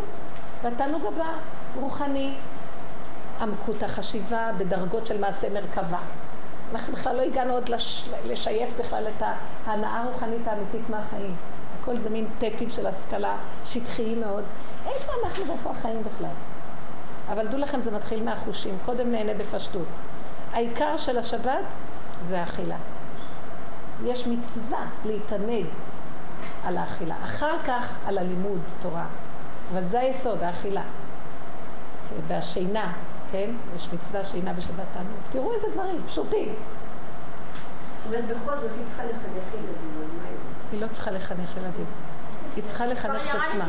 לא היא צריכה לחנך את עצמה. איך? בדרגות כאלה שגם כשאת רוצה עכשיו שהחדר יהיה מסודר ואת רואה את הלחץ, את האיך שאת רוצה את זה, תחנכי את עצמך. להוריד. תורידי את הרגש הזה. ירדתי מזה, רק מה שאני אומרת, ירדתי מזה, רק מה שאני אומרת, תשמעי מותק שלי. אה, יש זכויות ויש חובות בבית. לא עושה חובות, אין זכויות. אפשר להגיד את זה גם, אבל תלוי איך אומרים. אפשר אה, לחנך את הילדים אה, בלי האכפתיות, בלי הלב החם הזה שבעצם הוא קובר את הכל. כי זה הגניבה של היצר. הרגש הזה זה אכילת היצר. זה הגירוש מגן עדן, הרגש. ריק, קר, קר. צריכים להיות קרים. ואז תראו, אם אנחנו מתקררים לה בחוץ נדלק האש הפנימית, אש תמיד תוקד על המזבח, לא תכבה, אבל אנחנו כל כך מבזבזים על. מאמינים לה בחוץ, נגנבים, שופכים את כל האנרגיות בחוץ. תעצרי. אה, איך אמרת את זה? פה יש זכויות ויש חובות, מי שנותן אז הוא מקבל, זהו. ככה העולם בנוי, נקודה. את הולכת למטבח, לא מתווכחת, לא כלום, את יכולה להגיד את זה ברכות, בשתיקה, פשטות. ואפשר להגיד לילדים, יש מקום של לחנך, אבל זה לא נקרא לחנך. הלחנך זה עצמך, כי רש"י אומר על, בחנוכת המזבח, חנוכת הבית, שאני לא זוכרת איך הוא מגדיר את זה, מה זה החינוך, שהאדם עצמו נכנס לנקודה הפנימית של עצמו, כלומר, זה מתקיים בך תחילה, זה החינוך, שזה קודם כל יש יסוד פנימי שלך, זה החינוך הנכון. אחר כך הדוגמה האישית יוצאת מזה ממילא. אבל דבר אחד אני לא מבינה. תראי, אני לא צועקת עליהם ואומרת להם דברים, אמרתי לך מה אני אומרת. אבל בפנים אני סוערת, סוערת, סוערת מאוד. עכשיו, איך, איך אני אכבה את הסערה הזאת בפנים? מה, מה אני אעשה תגידי עכשיו? בנות יקרות. בפנים אני אומרת בעצם, צריכה, ואני גם אומר להם, ילדים, תהיו הוגנים. תהיו הוגנים. אכלת, תרים את הצלחת. התלבשת, תרימי את הפיג'מה. תהיי הוגנת. אין פה משרתים, תהיו הוגנים. עכשיו מה? אז אני לא אומרת, תמיד אני מסדרת, כל היום אני מסדרת, שותקת. אני, אני, אני, הם לא מסדרים את הבית, את החדר שבועיים, ואני באה, אני מנקה אותו, אני לא יכולה לראות על כלום. אני מנקה, משלימה, מנקה, משלימה, אבל אני סוערת בפנים. בפנים אני סוערת, ויש לי. שתיקה רועמת. זה נכון שאולי כאמצעי ראשוני להסיח את הדעת של מחשבות, אני לא יכולה להשתלט עליהן. שזה בריחה וזה לא... לא, לא הבנתי, שמה? זאת אומרת לסגור את החשיבה. איך? שהוא מסעיר אותי, להסיח את הדעת. לסגור. אז זה נכון לחשוב על משהו אחר בשלב ראשוני. איזה שאלה. אבל את אומרת שלחשוב, את אומרת לחשוב על האחריות שלי ועל אה, השם אתה תושיע אותי, זאת החשיבה שאת אומרת. אז רגע, ישר את, יורד. ישר את יורדת מהעצות, ישר את יורדת מהגירוי תגובה. ברגע שאת מוסרת את זה להשם, את כבר לא. אז אם את לא, אז לא העצות ולא... ה- תעשה ככה, לא תעשה... את אומרת להשם מה לעשות. גם זה את לא אומרת כלום. את מתחילה להשתיק את הכל. הדבר הבא שאת משתיקה, או בדרך כדי שתשתתקי, הלוא את צריכה כל מיני תרגילים פסיכולוגיים כדי לעזור לעצמך. אז תגידי, איך את אמרת את העניין הזה? אני לא יכולה בכלל להשתלט עליהם. אני לא מסוגלת. תחלישי את האני שלך על ידי דיבורים כאלה. כן, זה מאוד טוב. תגידי את זה להשם. לא ככה. לא את תגידי, מה להגיד בהתחלה? אנחנו מפחדים להגיד אני לא יכול. כי אין לנו בעולמנו רק אני, ואם אני לא יכולה אז מה יהיה? אבל אני אומרת לך משהו אחר, את לא יכולה, אבל השם יכול. אז זה כבר נראה אחרת, אז את אומרת, אני לא יכולה, אני לא יכולה להשתלט עליהם. אבל ריבונו שלמה, אתה יכול להיכנס, תכניס רוח טובה לבית. תרחם עליי, כי אני, תכניס לי רוח טובה, כי אני סוערת, כי אני רוצה ללכת על האני וה, והשליטה, והכוחות כבר לא כוחות, וההקשבה לא הקשבה, אז הכל הפוך, אני לא יכולה. זאת אומרת, אני מתחילה להיכנס למדבר, אני לא יכולה, אני לא. כל הזמן לחזור לזה, עוד פעם חוזרת לי המחשבה הרעה. אז להישאר עוד פעם עם המחשבה. כל הזמן אני מנטרלת, המדבר זה המקום הניטרלי. תמיד מה, יש בין מדינות, יש? השטחים הנוטרליים, זה המדבריות. תחזרי, זה עבודה, תעצרי, רק רגע, המוח שלי מלא. תקשיב, אבל חושבת תחזרי. על הילדים שכולם מסתדרים ומנקים, השאלה איך את לוקחת את זה. מי שתרצה אני בבית אומרת השם, ככה שנתת לי את הילדים האלה, אתה רוצה שהבית יהיה מבוגר? זה הרצון שלך, אני רוצה, דיברתי איתם. לא, זה לא... פתאום אני באה, לא. נכנס בורא עולם, אתם לא יכולות לתאר לעצמכם כמה שבורא עולם קרוב. לא.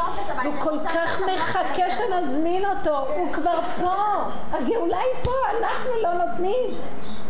זה כל כך קרוב. רק תבין את הכללים, איפה שאתה לא, הוא כן. אז תעבוד על אתה לא.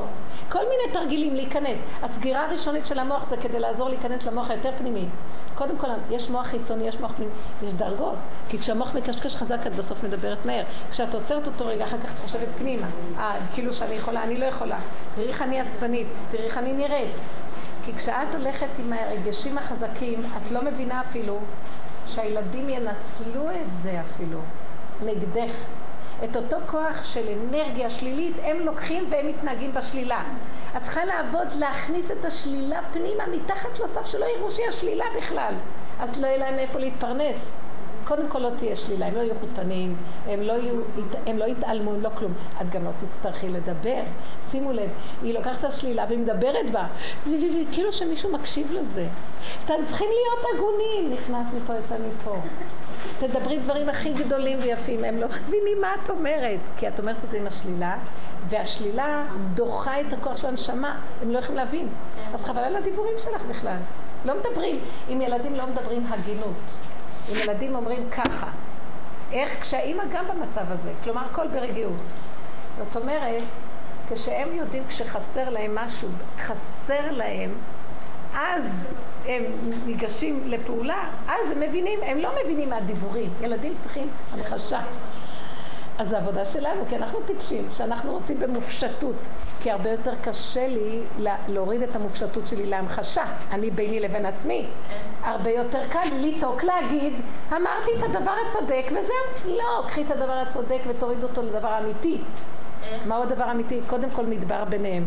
בין הצדק לאמת, בין הרעיון לבין האמת, יש מדבר. את מבינה? בין הרעיון שכתוב בספר לבין המציאות של אותו רעיון עוברים הרבה מהלכים. קודם כל השתקה של הרעיון. זה מבידעת והשבותה. אין בלי, אין מי וידעת והשבותה, אין בלי נפילה, אין בלי שממה, אין כזה דבר. אין עומדים על דברי תורה אלא אם כן נכשלים בהם. אי אפשר, זה ככה הבריאה. ממש. ולכן מראש את אומרת, חבל לך להגיד כי הם לא יקבלו. אני כבר לא מדברת, בשביל מה? עכשיו, השלב הבא, תבדקי את עצמך. תהיי רגועה, תהיי במדבר, ותדברי עם השם. במדבר רק מדברים עם השם. למה היו יוצאים הגדולים להתבודד במדבריות? כי שם אפשר לדבר עם השם, זה שקט. תדברי עם השם. מה זה שקט? זה שקט מהרצון שיהיה מסודר. זה שקט מהכעס עליהם, זה שקט, שקט, שקט. כלום. העובדה לא מסדרים, כלום. עובדה, ואני בתוך העובדה. ברגיעות. אז אני צריכה לקבל את העובדות עכשיו. את צריכה לעבוד עם העובדות ולא עם איך שהיית רוצה שיהיה. את כל הזמן, זה נקרא צדקות, ההצטדקות. אני כל הזמן רוצה את הצדק משמיים נשקף. כן. וזה, יש כל מיני סוגי אנשים. יש הרבה אנשים שזה הסטייל שלהם. הם חייבים לרצות, הם חייבים להשיג, הם מאמינים ברעיון, הם הולכים אחרי הרעיונות, נגמרים על הרעיונות. מה זה עוזר להם? זה לא חכם. אמרת שילד צריך משהו מיוחד. איך, איך? מה את עושה, איך את מניבה נכון, במצב בדיוק של ילד, אחד הילדים שלי, שהוא מאוד בודד. ילד מאוד בודד. בבדידות חברתית, הוא ילד מאוד מיוחד, הוא מצייר, הוא עושה דברים מיוחדים. הוא לא קונבנציונלי כל כך. וממש אני קרואה מהסרט שלו. הסרט שלו ממש מאוד מסתכל. הסבל שלו גורם לסבל. זה שהוא לא פעיל בחברה ולא קשור בחברה. כן, כן, שלא, שהוא הוא סובל לבד. מזה. מילא אם הוא היה לבד והיה לו טוב עם זה, בסדר. אבל הוא קשה לו, אנחנו כמה שנים, אני רואה שזה משהו באישיות שלו, משהו ב- ב- בחיבור שלו, משהו במיוחדות שלו גם, שהוא לא, הוא לא מצליח להתחבר ל... ל- כאילו, למצוא חברים טובים. זו פעם ראשונה ככה שאני נתקלת בזה בין הילדים. הם שלי קודם לא לא ראיתי את זה בכלל. ואני ממש, יש לו, יש לו מצוקה, באמת בקושי, קשה לו את זה, ולי מאוד קשה לראות ללמוד, הילד הזה הוא קרוב יותר לעצמו מאשר לאחרים, אבל בגלל כל מה שקורה מסביב, הוא מרגיש מוזר עם זה וזה עושה לו כאבים. צריכים לחבר אותו לפגם שלו ושיהנה מעצמו, שילמד ליהנות מאיך שהוא. ש, שיהנה מזה שהוא לבד. קודם כל מהמקום הזה אפשר לחבר אותו למשהו אחר. אי אפשר לחבר אותו אם הוא לא נגע בנקודה של עצמו, להתחיל לשחק אותה שהוא אוהב את כולם גם, ולעזור איך להיות, איך שיהיה לך חברים, ואיך שיהיה לך קודם שיהיה חבר של עצמו. אז הוא יכול, לבד יבואו לו חברים. הוא לא מתחבר לעצמו. הוא לא משלים עם משהו. בין משהו לבין מה שהוא היה רוצה שהוא יש פער. כי צריך להבין, החברה כל הזמן משדרת מה היינו רוצים, מה היינו רוצים, מה היינו רוצים. זה השיטה של ה... זה שיטה של עץ הדת. בלי להבין בכלל ש... מי אתה הרגע? מה איתך? לא, לא, לא, לא, מה הוא, מה הם, מה כולם, כולנו, הכל, הכלל. אבל אין לב. אז תגידי לו, אתה יותר קרוב לגאולה מה שכולנו. כולם הלכו לאיבוד בחיברויות, ואתה בנקודת היחידה שלך, זה כמו דוד המלך, הוא היה ביחידה של עצמו. כן? מוזר הייתי לחי ונוכרי לבני מי. אומרים שאני אינני אני, אז מי אני בכלל? לא יודעת, הרגשתי, מי אני? באמת, לשאול את עצמי. זה רק דמיון האני הזה. אין אני. האני זה כלום, דמיון שנקרא. זה משהו פסיכולוגי באוויר, מין איזה תקליט פסיכולוגי, תוכנה פסיכולוגית, והיא לא קיימת. יש רק גוף בשר, ויש הנשמה של בורא עולם בתוך הבשר, זה הכל. ומלא תוכנות של עניים שונים. אמרת קודם שילד, כאילו, שלא, אני דיברה, ברגע שאת לא תתני לו, הוא ירצה משהו, הוא יבוא, כי הוא רוצה משהו. אז למשל, אני לפעמים קורה לי, אה, כשאחד אלינו רוצה משהו, אז מה אני אעשה בשביל שתתני לי? אומרת, כשאני אגיד תעשה, לא עושים, אבל אם הוא רוצה, סתם דוגמה, שנתקן את הפאנצ'ר באופניים, אה, אז הוא אינטרסנט. בואי, מה אני עושה? מה את רוצה? אני אעשה כלים? מחפש לי עבודות. את רוצה שאני אנקה לך את הדלתות? ישר את יודעת שהוא רוצה משהו. אז אני יודעת, הוא אומר לי, איזה יופי, צריך ללמוד ממנו. כל כך אמיתי, וככה זה. זה האמת. אנחנו עושים בחינם. כי אנחנו צדיקים. ואחר כך איזה חשבונות רבים יש לנו על זה שעשינו להם בחינם. אין, אל תעשי טובה לאף אחד, תאמיני לי, חבל לך על הזמן. כן. תעשי טובה מתוך אינטרס. וככה השם ברא אותנו. האמת היא מאוד פשוטה, אנחנו מקלקלים. תדעו לכם שכל העניין שלנו להיות צדיקים ולרצות להיות צדיקים זה החטא של, של עץ הדעת. כאילו הקדוש ברוך הוא אומר להם, רציתם להיות גדולים ויכולים להיות כמו אלוקים, בבקשה. נא לרוץ בשטח, את צדיקה, את עשי לה, היא טובה לה, הוא טובה, עד שנתקלים אחד בשני, לא יכול לסבול אחד את השני. ואז אומרים, כמו ילד קטן, אני לא יכול לעשות שום דבר בלי לקבל משהו. אז השם אומר, אני אין לי טענה עליכם. ככה בראתי אתכם, אתם רוצים להיות גדולים. שמתם לב לכל הבלגן שקורה פה היום? מה אתם, אתם לעולם לא תהיו גדולים כי אתם לא יכולים לתת משהו בלי לחשוב חמש פעמים אחר כך למה נתתם. אפילו אם תיתנו פעם, פעמיים, אפילו אלה שעשו בשביל הציבור והכלל, לאט לאט נגנבו, השטן דואג לגנוב גם אותם. וישר הם כאובים, כמה נתתי, כמה עשיתי. ומה מגיע לי ואיך הטרחה זה ציבור, כאילו מישהו הכריח אותך לטרוח על הציבור בכלל. גם לך הייתה הנאה מזה, מה אתה חושב? אתה לא עושה שום דבר בחינם, אז למה אתה מיילל? אתם מבינים? אי אפשר לסבול את הבן אדם המדומיין שחושב שהוא אלוקים. כן. בטח שתתני לו ותגידי לו, אתה חכם, כל הכבוד. בוודאי, ממך אני צריכה ללמוד, לא צריכה להגיד לו את זה, אבל תלמדי מהילדים בפשטות, איזה חכם, ערמומי כזה, הוא רוצה להשיג משהו ולקבל, הוא לא רוצה בחינם. תראו, זה יפה מאוד. עכשיו יש לי, עם הבן הקטן שלי, דבר מאוד מוזר, שהחברה מסתכלת על זה מאוד... אה, הגזמתם, בן של הרב דדון, הבן שלי, אנחנו יודעים את ה... אני מושבניקית, בעלי מושבניק, ואנחנו באנו להתגורר בעיר. הבן שלי הקטן מגלה את זה. אז הוא פתאום עכשיו אוהב כלבים. אמא, תקנו לי כלב. אמא, אז מה אני אעשה את הכלב? תגיד לי, מה אתה רוצה בחיים שלי עכשיו? אמא, בקומה השלישית בבית, מתחת למיטה שלי, אני אעשה את הכלב.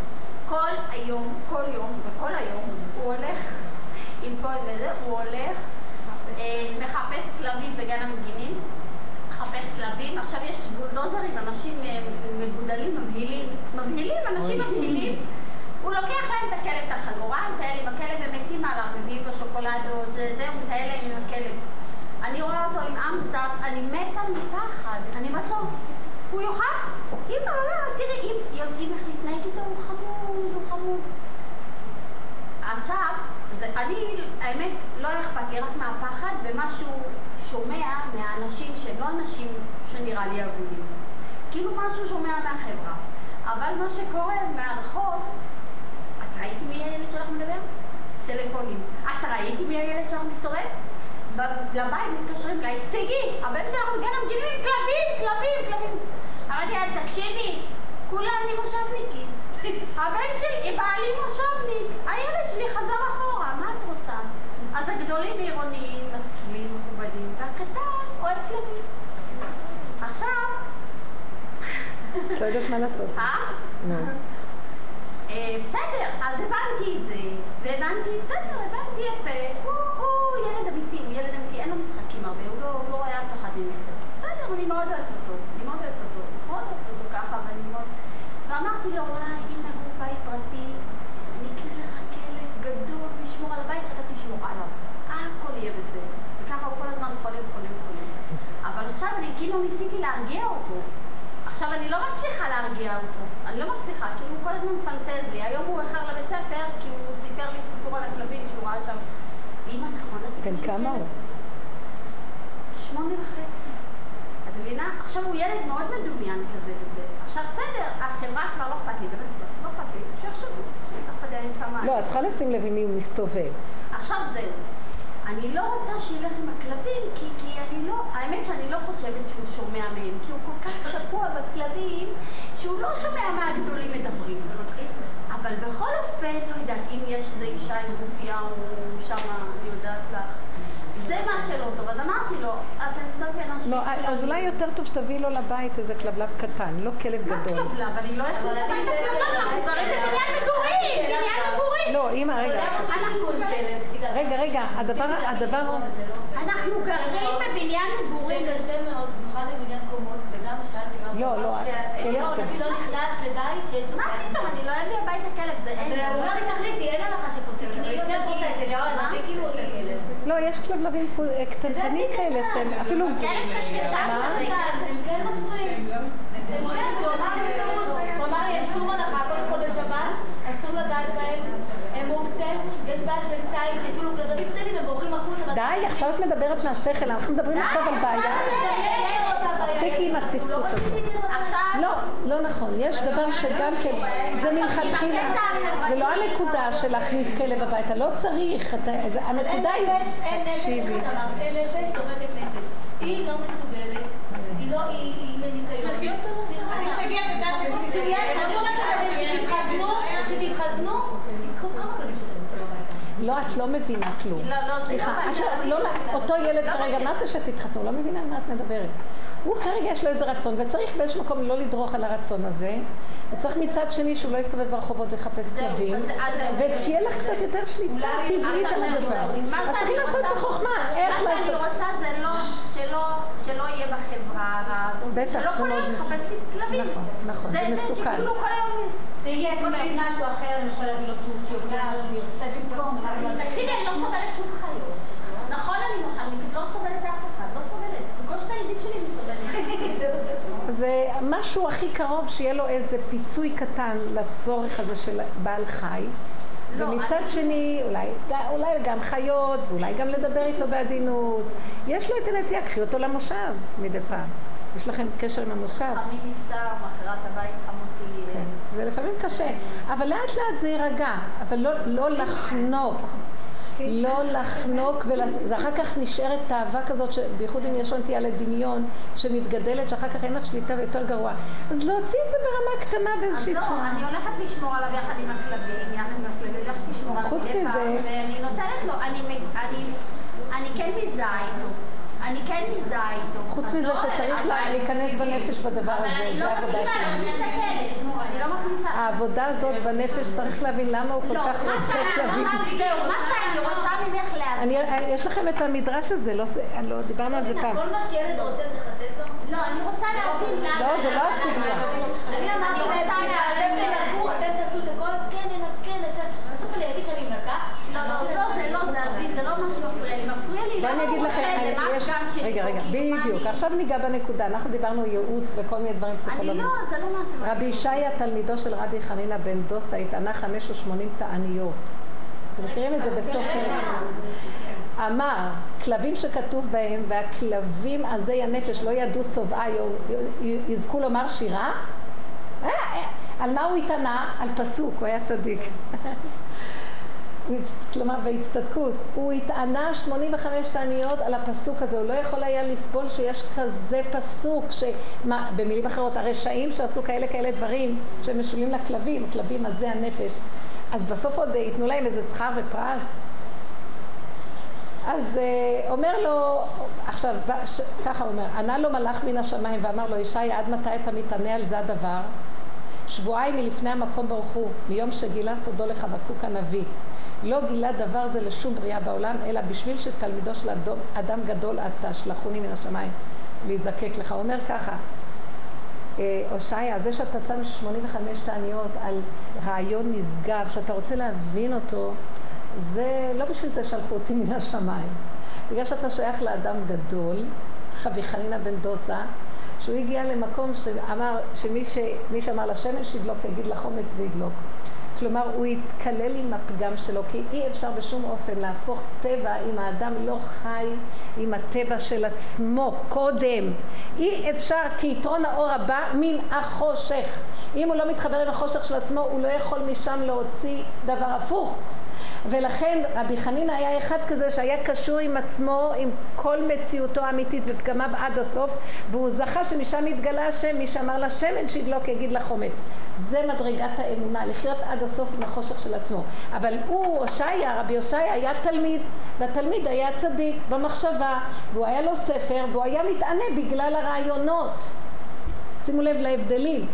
אז שלחו את המלאך בגלל רבי דוסה, ולא בגלל זה, והוא אומר לו ככה, שמאז שגילה את, חו... את סודו לחבקוק, מה היה הסוד שהתגלה לחבקוק? צדיק בא חבקוק במדן על אחד, צדיק באמונתו יחיה. כלומר, אמונה. מה אמונה? ככה. מה אתה שואל שאלות? מה אתה מתענה? ככה, ככה השם רוצה. והש... הוא אומר לו, זה מה שאומר לו. ואחר כך הוא אומר לו, ומה ששאלת, דע לך שהשם יודע על מה שהוא עושה. הוא עוד יוסיף להם שכר ואל תשאל שאלות. ומה ששאלת, בסוף הוא אומר לו, אם בכל אופן אתה רוצה איזו תשובה, כי אולי לא הבנת מה אני אומר, כי מה הוא אומר כאן בסך הכל? ככה השם רוצה ואל תשאל שאלות. רבי חנינא היה יודע למה, אתה לא יודע. אבל בכל אופן הוא שואל לו איזה טיפ, הוא אומר לו, מה ששאלת חזור לאחוריך. מה זה הכוונה חזור לאחוריך? אם תתבונן, אז תראה שהכלבים האלה שאתה לא יכול לסבול אותם, יש בתוכך גם כמוהם. אז אתה כועס מה נעשה שם כשבתוכך יש זה, אז אתה תדע לך, אל תתערב, כי אחר כך גם באמת לא ייתנו לכלבים שלך שכר. לא לקטרג על שום דבר בבריאה, הכל במקומו הונח. תוריד ראש, תיכנס בפגם שלך ותצדיק את מעשיו, מעשי הבריאה. ככה השם יודע הכי טוב מה טוב. תבקש את הרחמים, שתבין מה השם רוצה בבריאה שלו, אבל אל תקשה קושיות, איך יכול להיות כזאת הנהגה בעולם? כי אם יש הנהגה כזאת, יכול להיות. ככה רוצה. אבל אתה חסר ולוקה, כי אתה לא מגיע לדרגת רבך, שהוא ירד עד לעומק השפל של מציאותו, ומשם הוא הוציא שהשמן, שהחומץ יכול גם לדלוק. גם כלב יכול לקבל שכר. גם כלב יש בו נקודה. כלב, כמו לב. אז תביני דבר אחד עם הלב. עכשיו את באה מצד הושעיה הצדיק, רק חסר לך 85 תעניות. לא, אני לא, נכנסתי, זה לא נכון. רגע, רגע, אם את מצטדקת סימן. לא, לא, לא, תקשיבי. לא, לא, לפי הגישה, לפי הגישה, אני אגיד לך מה היה כאן הנקודה. את עונה תשובה לדבר ואת לא נכנסת שהנפש שבדבר. רגע, רגע, תעזבו את התשובות, מה שהרב אמר, מה שצודק, מה שהיה רצוי. מה הילד, הנפש שלו רוצה איזה משהו. עכשיו, והיא צודקת, מה כל אחד שירצה משהו ניתן לו, אבל לא ככה באים לילד. כי אולי זה לא עוד משהו שהילד רוצה. ואולי הילד הזה אומר לי, אמא, כי את לא נותנת לכלב שלך מקום, את רוצה להיות צדיקה, אני צריך כלב ברחובות. הכלב, אני, זה ישר מה שראיתי, אבל זה, בוודאי. למה סתם השם שם לו כזה תשוקה לכלב? יש לו, הילד הזה רואה את הכלב שלנו. של, שלי גם יש, אל תדאגי. ואת הכלב הזה, את כל הזמן מסתירה ורוצה להיות צדיקה וצועקת כל היום ורבה וכל היום עם השאלים וכל הזמן...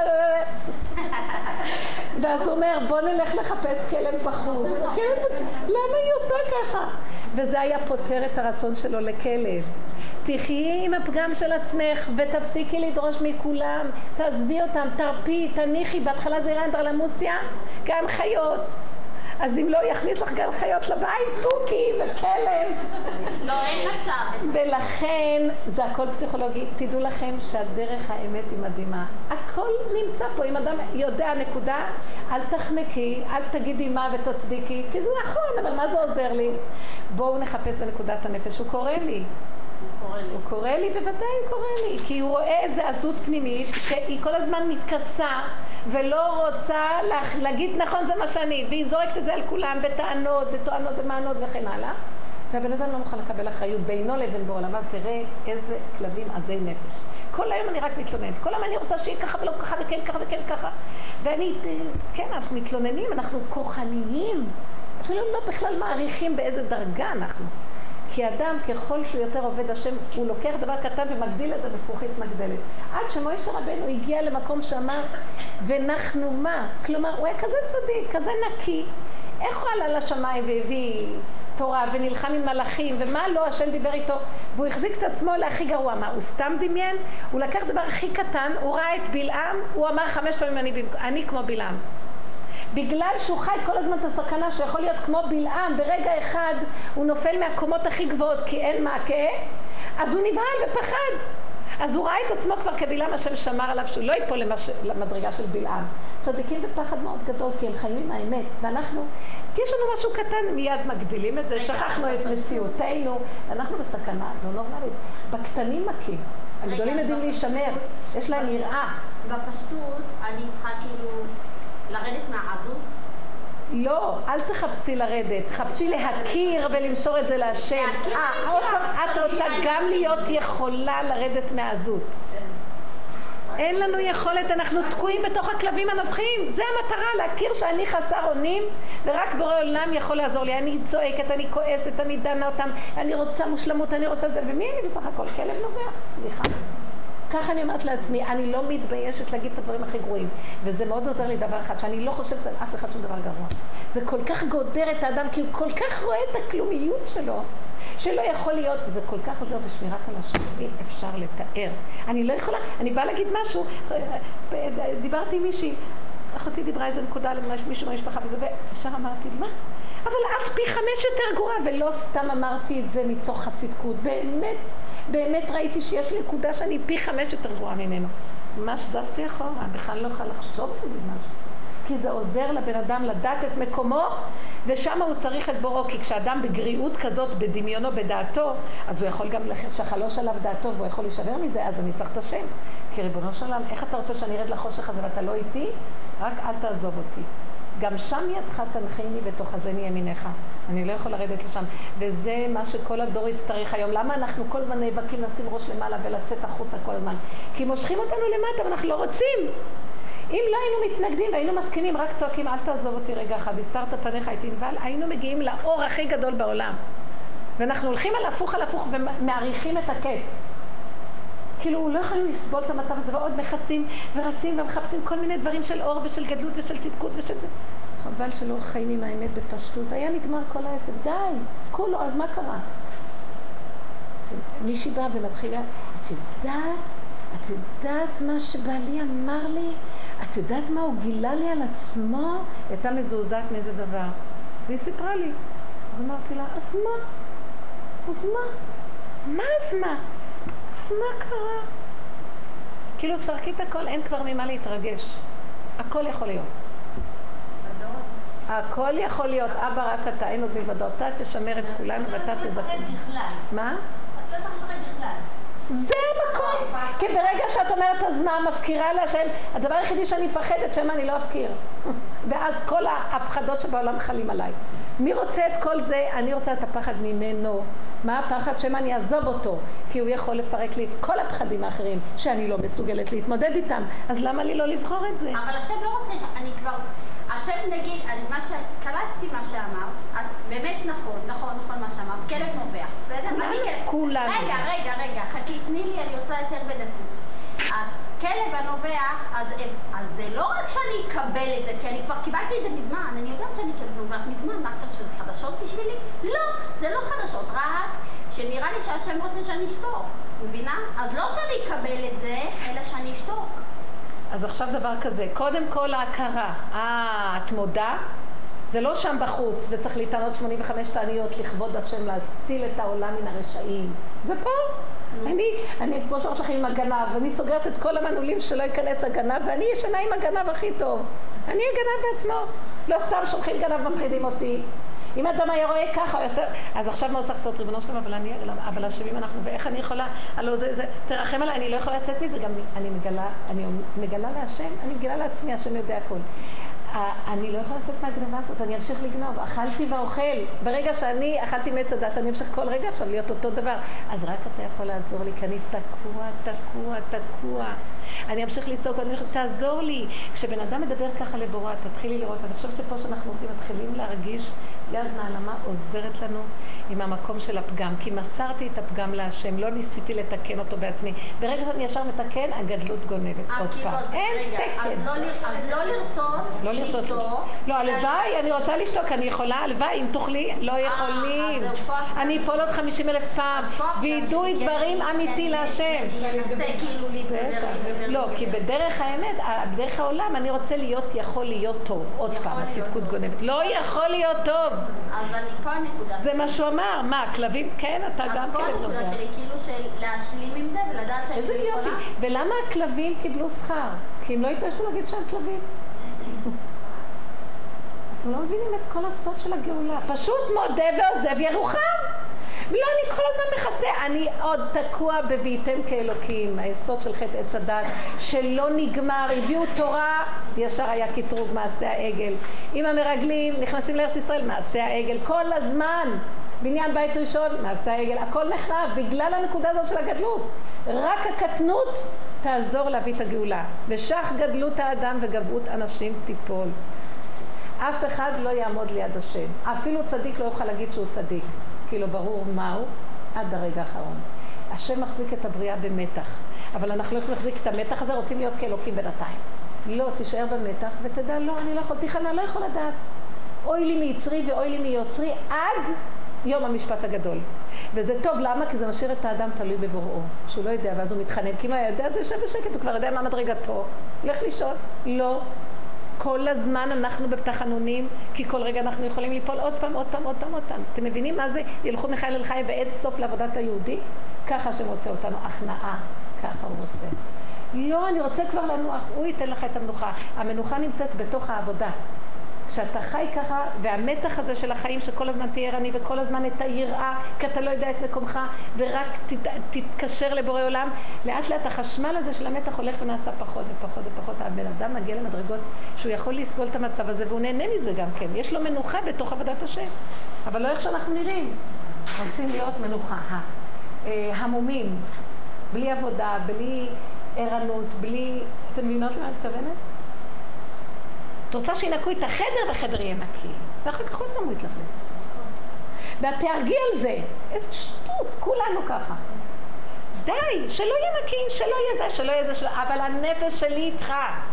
תשימי את המשאבים פה ואל תבזבזי אותם שם, תתחילי ללכת מחיל אל חיל. יהיה לך שליטה פנימית גדולה, ריכוז. מסתכלת, את רואה, את שומעת, את שומעת, את חיה. איך אנחנו נראים עכשיו? אנחנו לא חיים. זה נקרא מדרגת האדם. והשטן מקטרג על היהודי ביותר, כי יש לנו נשמה גדולה וכלים הכי גדולים מכל השתלשלות הדורות שנתנו לנו, הגדולים, האבות וכל השאר. והוא בא ואומר, תראה איך הם נראים, הגויים יותר טובים מהם, יותר עזים, יותר חזקים. אנחנו רפואיים, ואנחנו חלשים, ומחפשים את התענוגות, ורוצים את המנוחות, ולא רוצים את העבודה. ואז הוא מקטרג עלינו, בשביל מה נתת להם נשמה כזאת גדולה? ואז השם כאילו כבול.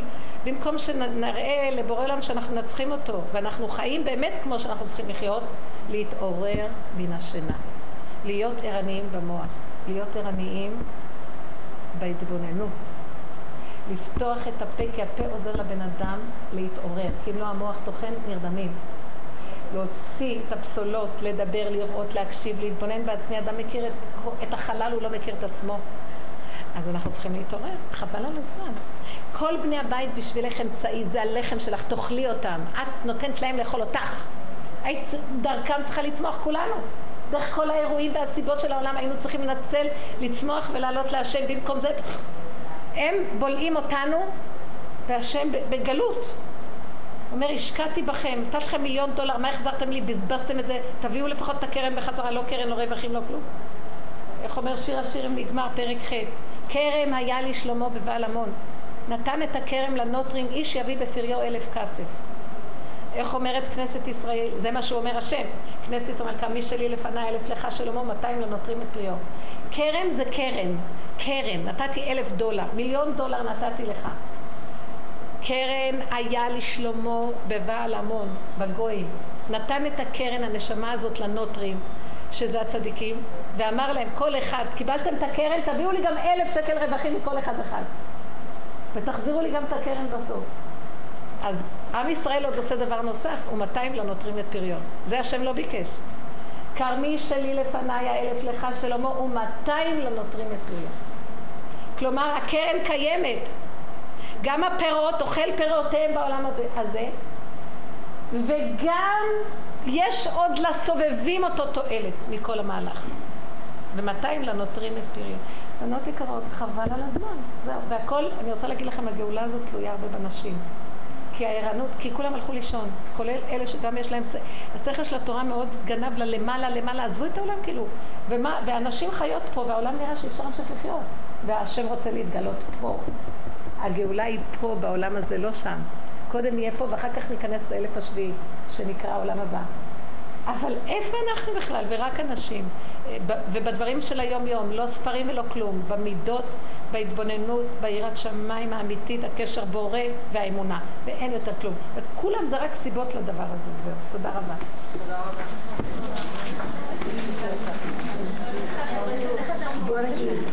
זה למכירה? כן, יש כאן, אה, זה מהשיעורים פה, תקראי לשיעור הזה. כמה כל דיס? אה, זהו בדיוק שאלת אותם איך לקרוא לו. כמה כל דיס? עשר שקל. ברגע שאת אחד עוד פעם ועוד פעם ועוד פעם ועוד פעם ועוד פעם ועוד פעם ועוד פעם ועוד פעם לא? את תראי את השלילה שלו, תסכימי לנקודה שלו. תסכמי את הריגוש מהשלילה של זה, המוח מתקתק לי שלילה, תשארי עם הנתון. שם יתגלה למשל, תגידי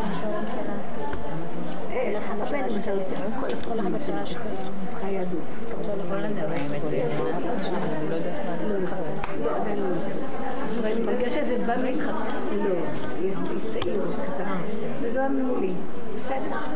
עכשיו, בא ממולי, זה פגם שלי, של המדנות, של ההפקרות. מצאתי את הפגם. כנראה אם יש לנו פגם, אז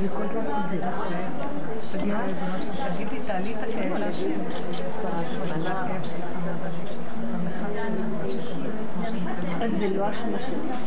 אל תחפשי אשמה. גם אם יש לך אשמה, את לא יכולה לתקן. שום דבר.